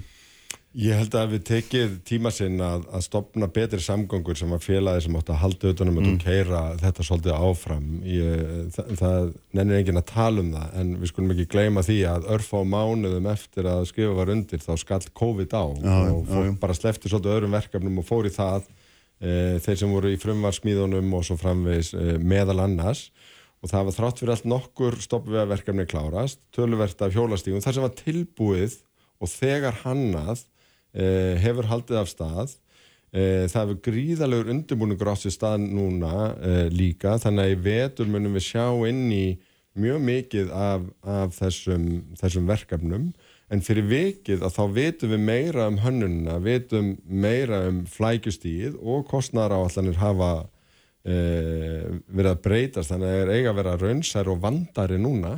Þannig að, að, að kannski er ekkit óvænt eða óæðlegt við að við þurfum að uppfæra sáttmálan akkurat núna þegar að e, þessi stóru verkefni eru öll saman að fara af stað og sjá þá heldar pakkan til enda Eitt sem er forveitnilegt hérna, kannski loka málu, það er þetta Kjeldnaland, það er uppalega metið á 15 miljardar, nú er það að tala með þessi 50 til 70. Mm Hver er allra borga þennan mismun? Er það, kemur hann fram í lóðaverðinu? Eða, eða Þetta er bara fleiri íbúðir Það er bara fleiri íbúður á Já, svæðinu? það er bara, það er að koma fleiri íbúðum og, og, og hérna, en það þetta hangir meðal annars á e, samgöngun við sem er sem þetta að, að borgarlínan átti í fyrsta áfanga að fara upp á Orðursöða, það er kallað Krossmýratorg e, en, en það er talað um það í viljaeflýsingunum Keldnalandið að það þurfti þá að hraða í raun öðrum áfanga borgarlínu frá Krossmýratorgi og allarleið upp að Keldum vegna þess að það er alveg ljóst að stórt og fjölmennt íbúðakverfi að keldum eða í Mósesbá og Blikastöðum þú bætir því ekkit inn í umferðina eins og hún er á mótnana frá Mósesbæ eða Miklubraut. Það er bara algjörlega útilokað, það er órunhæft og, og þess vegna er þetta svo gott dæmum það þar sem að hágjaða almenningssamgöngur geta lift okkur að byggja meira og þjættar og húsnaði fyrir fleiri e, á e, þessum staðsetningum bursi frá ástandun og miklu Þannig að það, inn í þessum tölum er ekki, er ekki hugmyndum það að íbúðaverðið og loðaverðið verði einfallega herra. Heldur en það ætla Nei, hefði það er orðið þvert á móti sko ríkið samdýraun í tegnslu við lífskjara samninguna um það að vera með sérstaklega svona félagslega blandaða byggð uh, á kjeldnasvæðinu. Uh, þannig að, að þar munum við líka uh, sjá sem hafkvæmt húsnaði og fyrir alla tekjuhópa. En, en, en munurinn er fyrst og fremst bara raunsat mat á því hver fjöldi íbúðana geti verið þannig. Herri, komst ekki lengri í bíli en þú hérna Ástíðs, þú verður hérna, segja okkur að þú ert ekki sátt við allangerðinu núna aftur hérna, þessu líkur Já, já, ég mun gera það, svo sannarlega. Já, ljómandi. Bestu þakki fyrir að koma bæði Takk, Takk, takk. Sirju Margrét Oddsdóttir, nýr frangandistöri SA er hérna eftir. Sprengisandur á bylgjunni alla sunnundasmórna. Sæli hlustundur, uh, þá höldum við hér að staða á lokasprettinum, uh, þau eru farin frá mér uh, Davi Eggertsson og Ástís Kristjánsdóttir, þetta er umræðum um samgöngu sáttmála höfuborgarsvæðisin sem er nú hérna, þarna skreinlega endur skoðunar við, svo ekki sé nú meira sagt, en sestir hjá mér Sigriði Margrét Oddsdóttir sem er frangandistöri samtaka atvinnulífsins, að blessuð og velkomin. Sælaflæsaður, takk fyrir. Það er nú lítið, hérna, og þú ert bara nýtekin við, er það ekki bara vika eða hvað? Jú, rétt Og hvernig líst þér á þig? Mér líst bara virkilega vel á mig. Já. Þetta eru þetta uh, krefjandi umhverfi en framúskarandi hópur af Mm. fólki sem er að vinna bæði hjá samtökum atvinnulísins og eins líka hjá aðeldarsamtökum eh, sem að eru innan húsatvinnulífsins þannig að ég veit að það er mikill mannauður sem að er í húsi atvinnulífsins sem ég er að fara að vinna með og verkefnin eru fjölbreytt og krefjandi Já.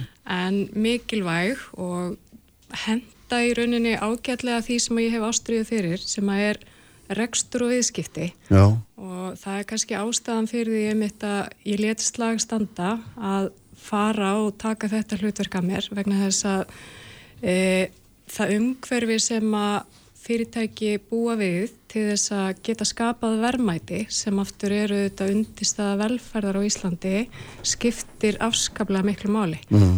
og í þessu starfi hef ég þó trú að það sé hægt hafa áhrif á þetta umhverfi Þannig að ég hlakka til að takast á við áskorannar. Mhm. Þú kemur náttúrulega úr, varst í Livju á tíðanbili, var það ekki satt og þú varst líka í, í hérna, jábúnduris á tíðanbili Rétt. þannig að þú kemur úr ólíkum áttum getur maður sagt. En, en, en hérna það er náttúrulega að fara að takast á við hérna, verkefliðsæðinguna um kaup og kjör sem að hefur nú hérna reynst ímsum snúið. Hvað svona þegar þú hefur hort á það þegar varst að hugsa um þetta þá lítur að hérna uh, það þurfti að hugsa um tvisvar. Ég ætla að fá leiðrétt og ég ætla að segja, ég ætla ekki að takast á við verkefælisefinguna. okay. Ég ætla að vinna með verkefælisefingunni að því að uh, gera, finna grundvöll að kjærasamningum sem að geta aukið hagsælt á Íslandi. Og það er nefnilega þannig að fyrirtæki eru ekkert án starfsfólks og starfsfólk vil heldur ekki án fyrirtæki vera. Þannig að það skiptir mjög miklu máli að við séum samtaka. Og það þó að það byrti stöðuta í fjölmjölum uh, st- stundum átök þá er það svo miklu meira sem að við eigum með þetta sameigilegt með verkefælisæfingunni og sá ávinningur í rauninni sem að byrtist okkur bara í lífskjörum á Íslandi er samspil meðal annars samstarfs á milli atvinnu rekanda og á milli verkefælisæfingarinnar og það hefur náðst ótrúlegur árangur. Eitt af því sem að er mér mjög, hérna, mér þykir mjög væntum, það er til dæmis lífeyriskerfi okkar, eh, en það er rétt að hafa það í huga, það er ekki nema um það byrjum 50 ár síðan sami var um það í kjærasamningum og lífeyriskerfið okkar er ein af megin stóðum samfélagsins í dag. Og þegar maður horfir einmitt fram á veginn og horfir til þess með hvað hætti okkar þjóðir að eldast á nákvæmlega sama hátt eins og margar aðra- þjóðir er eldast þá er öflugt lífeyriskerfi gríðarlega mikilvægt og eitt af því sem að aðgreinir Ísland frá öðrum löndum. Þannig að það er svo miklu meira sem saminar okkur Já. heldur en það sem að skilur okkur að.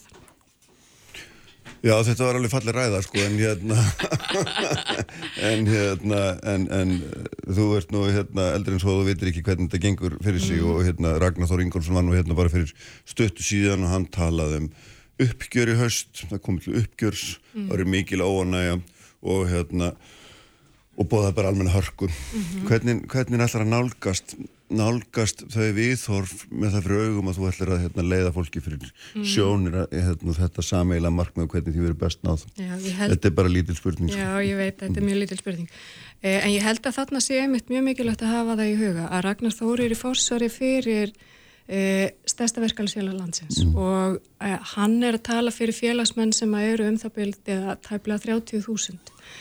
Það sem að við þurfum að hafa í huga, auðvitað getur okkur og það eru mjög margar áskoranir sem að við stöndum frammi fyrir núna í aðdraðanda komandi kjærasamninga Uh, og þetta eru stórar áskoranir sem að við þurfum að ræða og við þurfum að sameila að finna leiðir til þess að uh, taka á.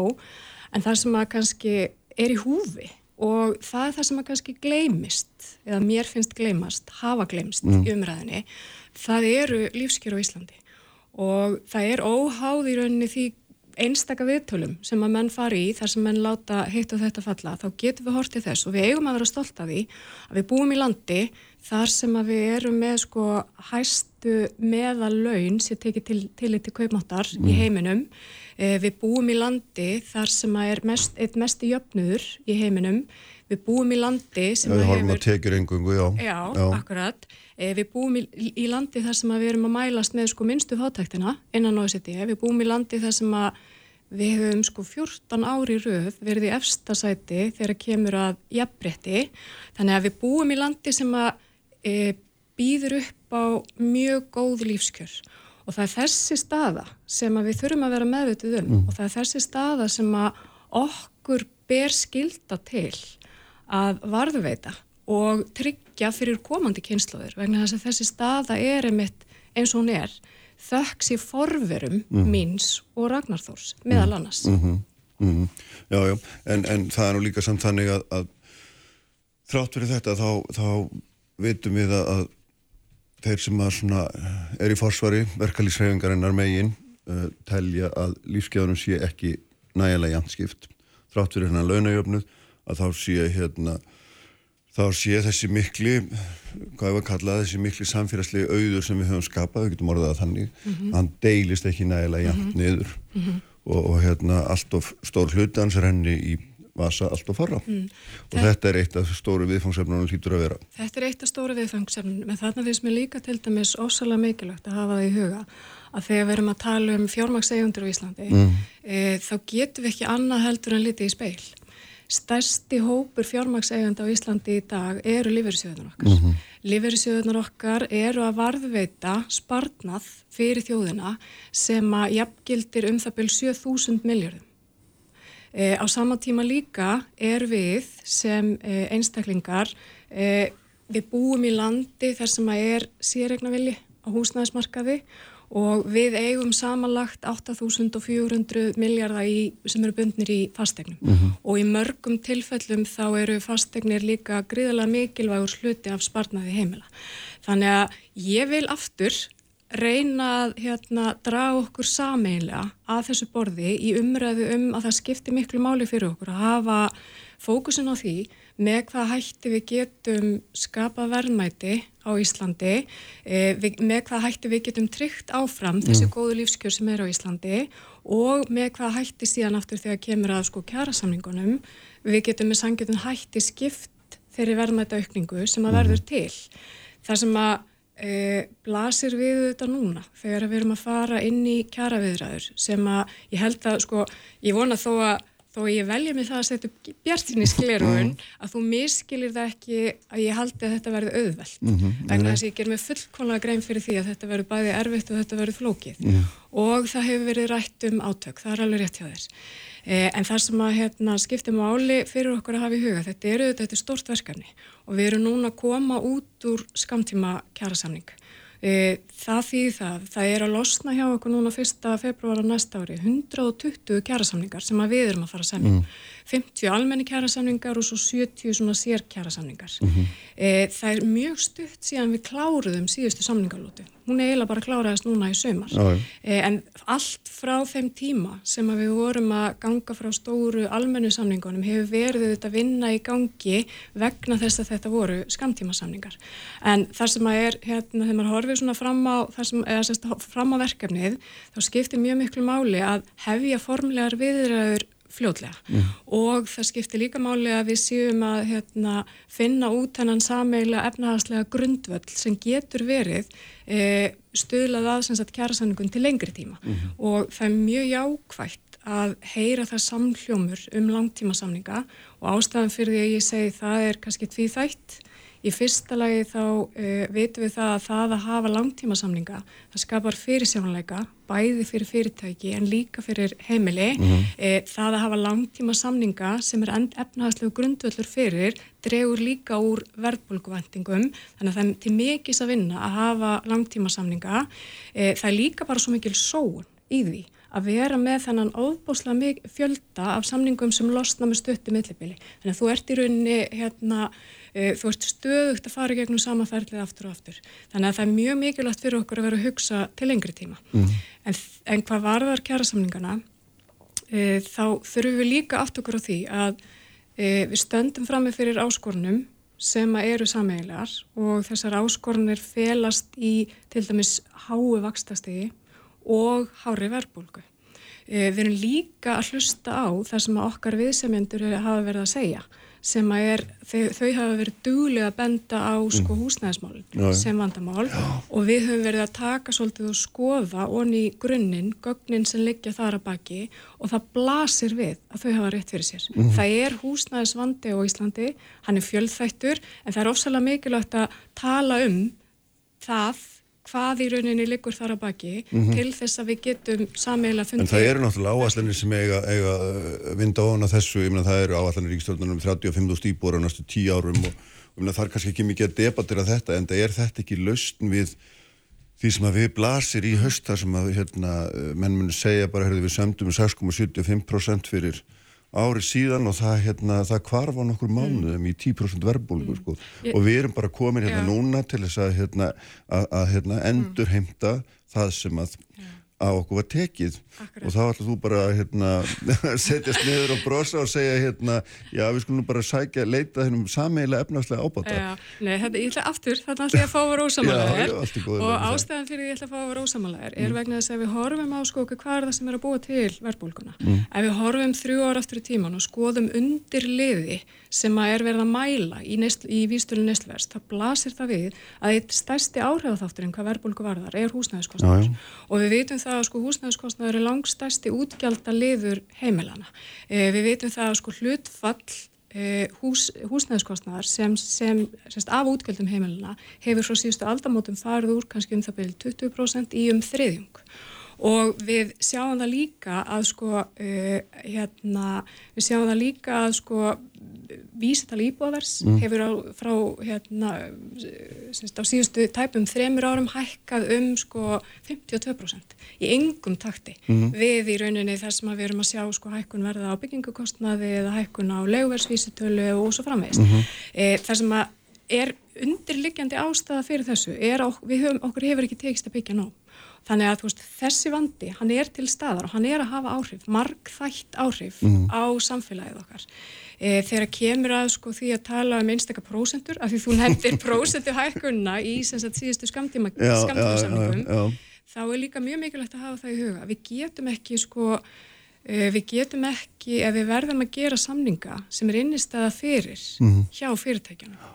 Vegna þess að ef það er ekki innistæða fyrir innistæða fyrir sagt, þeim kjærasamningum sem að við gerum, þá hefur það að En það er eftir náttúrulega bara að koma með klassiska ræður sem að verkefnisfeyringi Já. mun ekki hlusta á vegna sem hún mun bara segja það er næg innistæða fyrir hækkunum Takk fyrir að taka þér að svara fyrir verkefnisöfinguna. Ég veit ekki alveg hvað fyndin myndi segja það. Nei, en þú veist alveg hvernig þetta hljóma mm. skilur, þú, þú, það, er, hérna, það er bara þannig að þeir munu segja það er meira svirum, það er miklu meira hagnaðar hjá fyrirtækjunum og það er alveg svirum Mm, ef við horfum aftur Já. og þarna skiptir og þess vegna er svo frábært að fá að koma til því til þess að tala um tölur og til þess að tala um hlutina eins og þau raunverulegur eh, alveg svo varandi fjármásegja þetta sem við vorum að tala um þann eh, ef við horfum á bara með hvað hætti við erum sérst, að skipta verðmætum sem við skupum á Íslandi þá eru tvær tölur sem ég ætla að fá að benda þér á. Það er í fyrsta lagi að sagt, eh, launa hlutfalli, það er að segja hlutfall þeirra verðmæta sem við erum að skapa á Íslandi sem rennur til launafólks á Íslandi er um 60% og uh, þetta hlutfall er það hæsta á Norrlöndunum. Uh, ef við horfum bara á sagt, hlutfallið á milli sko hagnaðar fyrirtækja og svo eftir launakostnaðar fyrirtækja og tökum síðustu 20 ára eftir í tíman, þá er hlutfallið þarna á milli, það er 77-23 launafólki í vil. Þannig að þú veist, staðan er ekki alveg svona eins og þú ert að draga upp með þessari mynd. Það sem að verkefni okkar snýstum, það er verkefni okkar snýstum og er að finna leiðir til þess að ná kjærasamningum sem að geta stöðlega stöðuleika og verið í rauninni drifkraftur fyrir hagsald fram, til framtíðar. E, við erum ekki að gera okkur sjálfum neitt greiða með því að tala um hlutina eins og þeir eru ekki. Og við vitum það, við erum að koma út úr núna sagt, einsás kjærasamningum þar sem að voru mjög miklar launahækanir. Eh, ef við horfum á sko, þetta tímabil sem að sem sagt, eh, frá því að við gerðum síðustu langtímasamninga sem að var 2019 til dagsins í dag, þá sjáum við það að sko, laun á Íslandi hafa á þessu tímabili hækkað um 40% á sama tíma og sko vístalinn neysluverðs hefur hækkað um ykkur 29%. Þannig að sko það er svo langt frá því að við séum eitthvað á þeim stað að það sé, e, við séum þar að það, það þurfa að sækja eitthvað í, til atvinnlífsins. Það sem skiptir máli er að við finnum grundvöll sem við getum verið sammála um sem að getur verið sem sagt, þá efnahagslega forsenda fyrir langtíma samningum þar sem að við erum sammála um stöðuleika Hvar likur hann? Já, það er akkurat vinnan sem mm. að ég gerir ráð fyrir því að mm. sé í gangi núna innan hérna, alþjóðsambandsins og hjá verkalsfélagunum. Mm. Það er svo vinna sem er í gangi hjá okkur. Það er að segja að fara yfir og greina með hvað hætti. Hvert er þið efraðslega svýrum? Algjörlega, algjörlega. Mm. Og þú veist, það er bara, þetta er svo, er svo einfalt ef þú tekur, ef þú horfir, hérna, þú ert ekki að spyrja mig, því ég er náttúrulega ekki að fara sko, semja við verkefælisreifingunni gegnum þig, sko, það líkur alveg fyrir. Nei, það er í bóðið samt. Já, takk. Við þetta ræðum fyrst og fremst við okkar viðsemundur, en ef við höfum að tala um bara hátölur, mm -hmm. þá blasir það við ef við horfum á sko eh, framleginni aukningu per vinnustund uh, og horfum á sagt, meðaltöl sem að Hagstofan hefur gefið út sem að gildir fyrir þá síðustu, á, síðustu áratug rúmlega Eh, þá er framleginu aukningin hjá okkur, hún er svona kannski 1,3% á ári. Svo erum við með verðbólkumarkmið hjá Sælabankanum sem er 2,5%. Mm -hmm. Ef við horfum á það með hvað hætti samið hefur verið um launahækkanir lönd, í löndum sem að við erum gerðan að bera okkur saman við, hvort sem það eru Norrlöndin eða það er Európska efnahæsæði, þá sjáum við þetta byrtast líka þar að þar er verið að semja að jafna þau um launahækkanir sem eru þetta á bylinu emitt 24%. Mm -hmm. Við höfum verið að semja um sko launahækkanir sem eru alltaf þrefalt meira heldur en það. Ef að við hækkum kostnað umfram það sem innistæða er fyrir, þá gerist hvað? Það nákvæmlega mm -hmm. sama eins og þegar við eigðum umfram efni í okkar eigin heimilisrækst. Þannig að efnarslega sögurum markast af samlagningu þessar að tvekja talna þar að segja ég... verðbólkunar og, og hérna framlegni aukningar. Ég ætla ekki að halda því fram. Ég er bara að benda á tölur sem eru byrtar bæði Já. annars vegar af sko mm. sælabankanum og hins vegar hjá hagstofunni. Mm -hmm. Hittir síðan aftur bara hérna atriði sem að menn þurfa náttúrulega bara að samanlast um. Það er með hvað hætti við getum hort á grundvöll fyrir samninga til lengri tíma mm. þar sem að Samili markmið okkar eru þetta aukinn hagsælt og verðmættasköpun. Mm, mm -hmm. Hvernig áttu vonað því hérna við farið að setjast niður? Ég vona bara að það verði sem allra fyrst. Það eru þetta þannig að við höfum verið í samtölum við okkar viðsemjöndur allt frá því að síðustu kjærasamningar voru gerðir. Eh, okkar afstæðið svo að það sé gott að hefja formlegar viðræður og hefja viðræður mm. bara sem fyrst en við erum búin að vera þetta í samtölum og það eru í gangi núna einhverjir sko 26 vinnuhópar þar sem verður að fara yfir einstök atriði í tengslu við kjærasamlinga mm -hmm. sem eru, eru mjög mikilvæg við erum hjá okkur, eh, eins og þú heyrir, byrjuð í hérna, þessari efnahagslegu greiningu og vinnu, fórsendu vinnu sem er nöðsilega. Við þurfum líka að fara í stefnumótun og erum að skipulegja samtal við öll okkar aðelda fyrirtæki. Eh, þannig að þetta er, þetta er verkefni sem að, hérna, er umfangsmikið og það mun mm. taka okkur, taka okkur tíma en við erum, viljum byrja bara sem allra fyrst. Þannig að er æri verkefni framöndan. Ég held að það sé hérna Það sé öllum ljóst. Það er óvægt að segja það. Já, eitt í að hérna aðeins ég sleppi er vegna þess að, að, að hérna það er þetta samkjöfnismál milli hérna samkjöfniseftlitsins og, og, og samskip sem hefur auðvitað verið að milli tannana á fólki og við til umræðu. Ég tók eftir því að því að ég mitt hérna sendu frá ykkur svona mjög mildilega orða álíktun en, en Þið sem verið í farsvari fyrir atvinnulíku á Íslandi þegar það byrtist 3200 blað sína skýrsla um hérna, skipilega samkjöfnis brotamati samkjöfnis eftirlitsins. Mm. Hver, hver eru viðbröðin? Það er alveg hreinu varðandi niðurstöðu samkjöfnis eftirlitsins um þetta ólöfumetta samráð samskipa og eimskip þá hörmu við þau mm. brot sem að byrtast í þessari niðurstöðu og það er uh, okkar áhersla hefur verið og mun vera okkar áhersla að fyrirtæki fylgi lögum og reglum mm. og við hafi góða stjórnarhætti í kvívetna. E, það er mikilvægt að hafa því í huga, rétt eins og kom fram með mitt í viðtalið sem þú tókst fyrir þættinum, að það er ennþá, mennur eru ósamála þessari niðurstölu og, og hérna, þannig að það er verið málið ennþá í, í meðferð En þetta er, þetta er svo afstæða sem að líka fyrir og þetta er svo afstæða sem að mm. samtök atvinnlýsins mm. hafa alltaf, alltaf lagt og, og hérna, alltaf verið með og, og mun alltaf verið með. En því, þannig að svona aðaldafélagin svo samskip sem að hérna er að reyna að bera hand fyrir höfu sér og telur ómaglega sér veið að hérna að það er lítið stuðning frá ykkur að hafa því hérna það er bara lögbundin ferill fyrir þá til þess að fara með mál sitt í mm. það er leikur fyrir Ljómandi, hérna, þá held ég að við svona, við getum farið að setja aminu eftir efninu. Mm. Takk fyrir að koma. Takk fyrir að taka mótið mér. Það er nú bara skaplega lítið og gangið vel með þetta allt saman. Þetta verður, og ég sagðan, þetta verður æri verkefni í haust. Við verðum að fara að slá botnin í þáttinn að þessu sinni mm, allt efni finnið á vísi.is og bilgjum.is og svo hvar veitna það sem við finnið hlaðvarp. Pétur Valmundarsson var með styrið útsendingun í dag og svo ætlum við að vera með ykkur hér aftur eftir viku. Verðið sæl.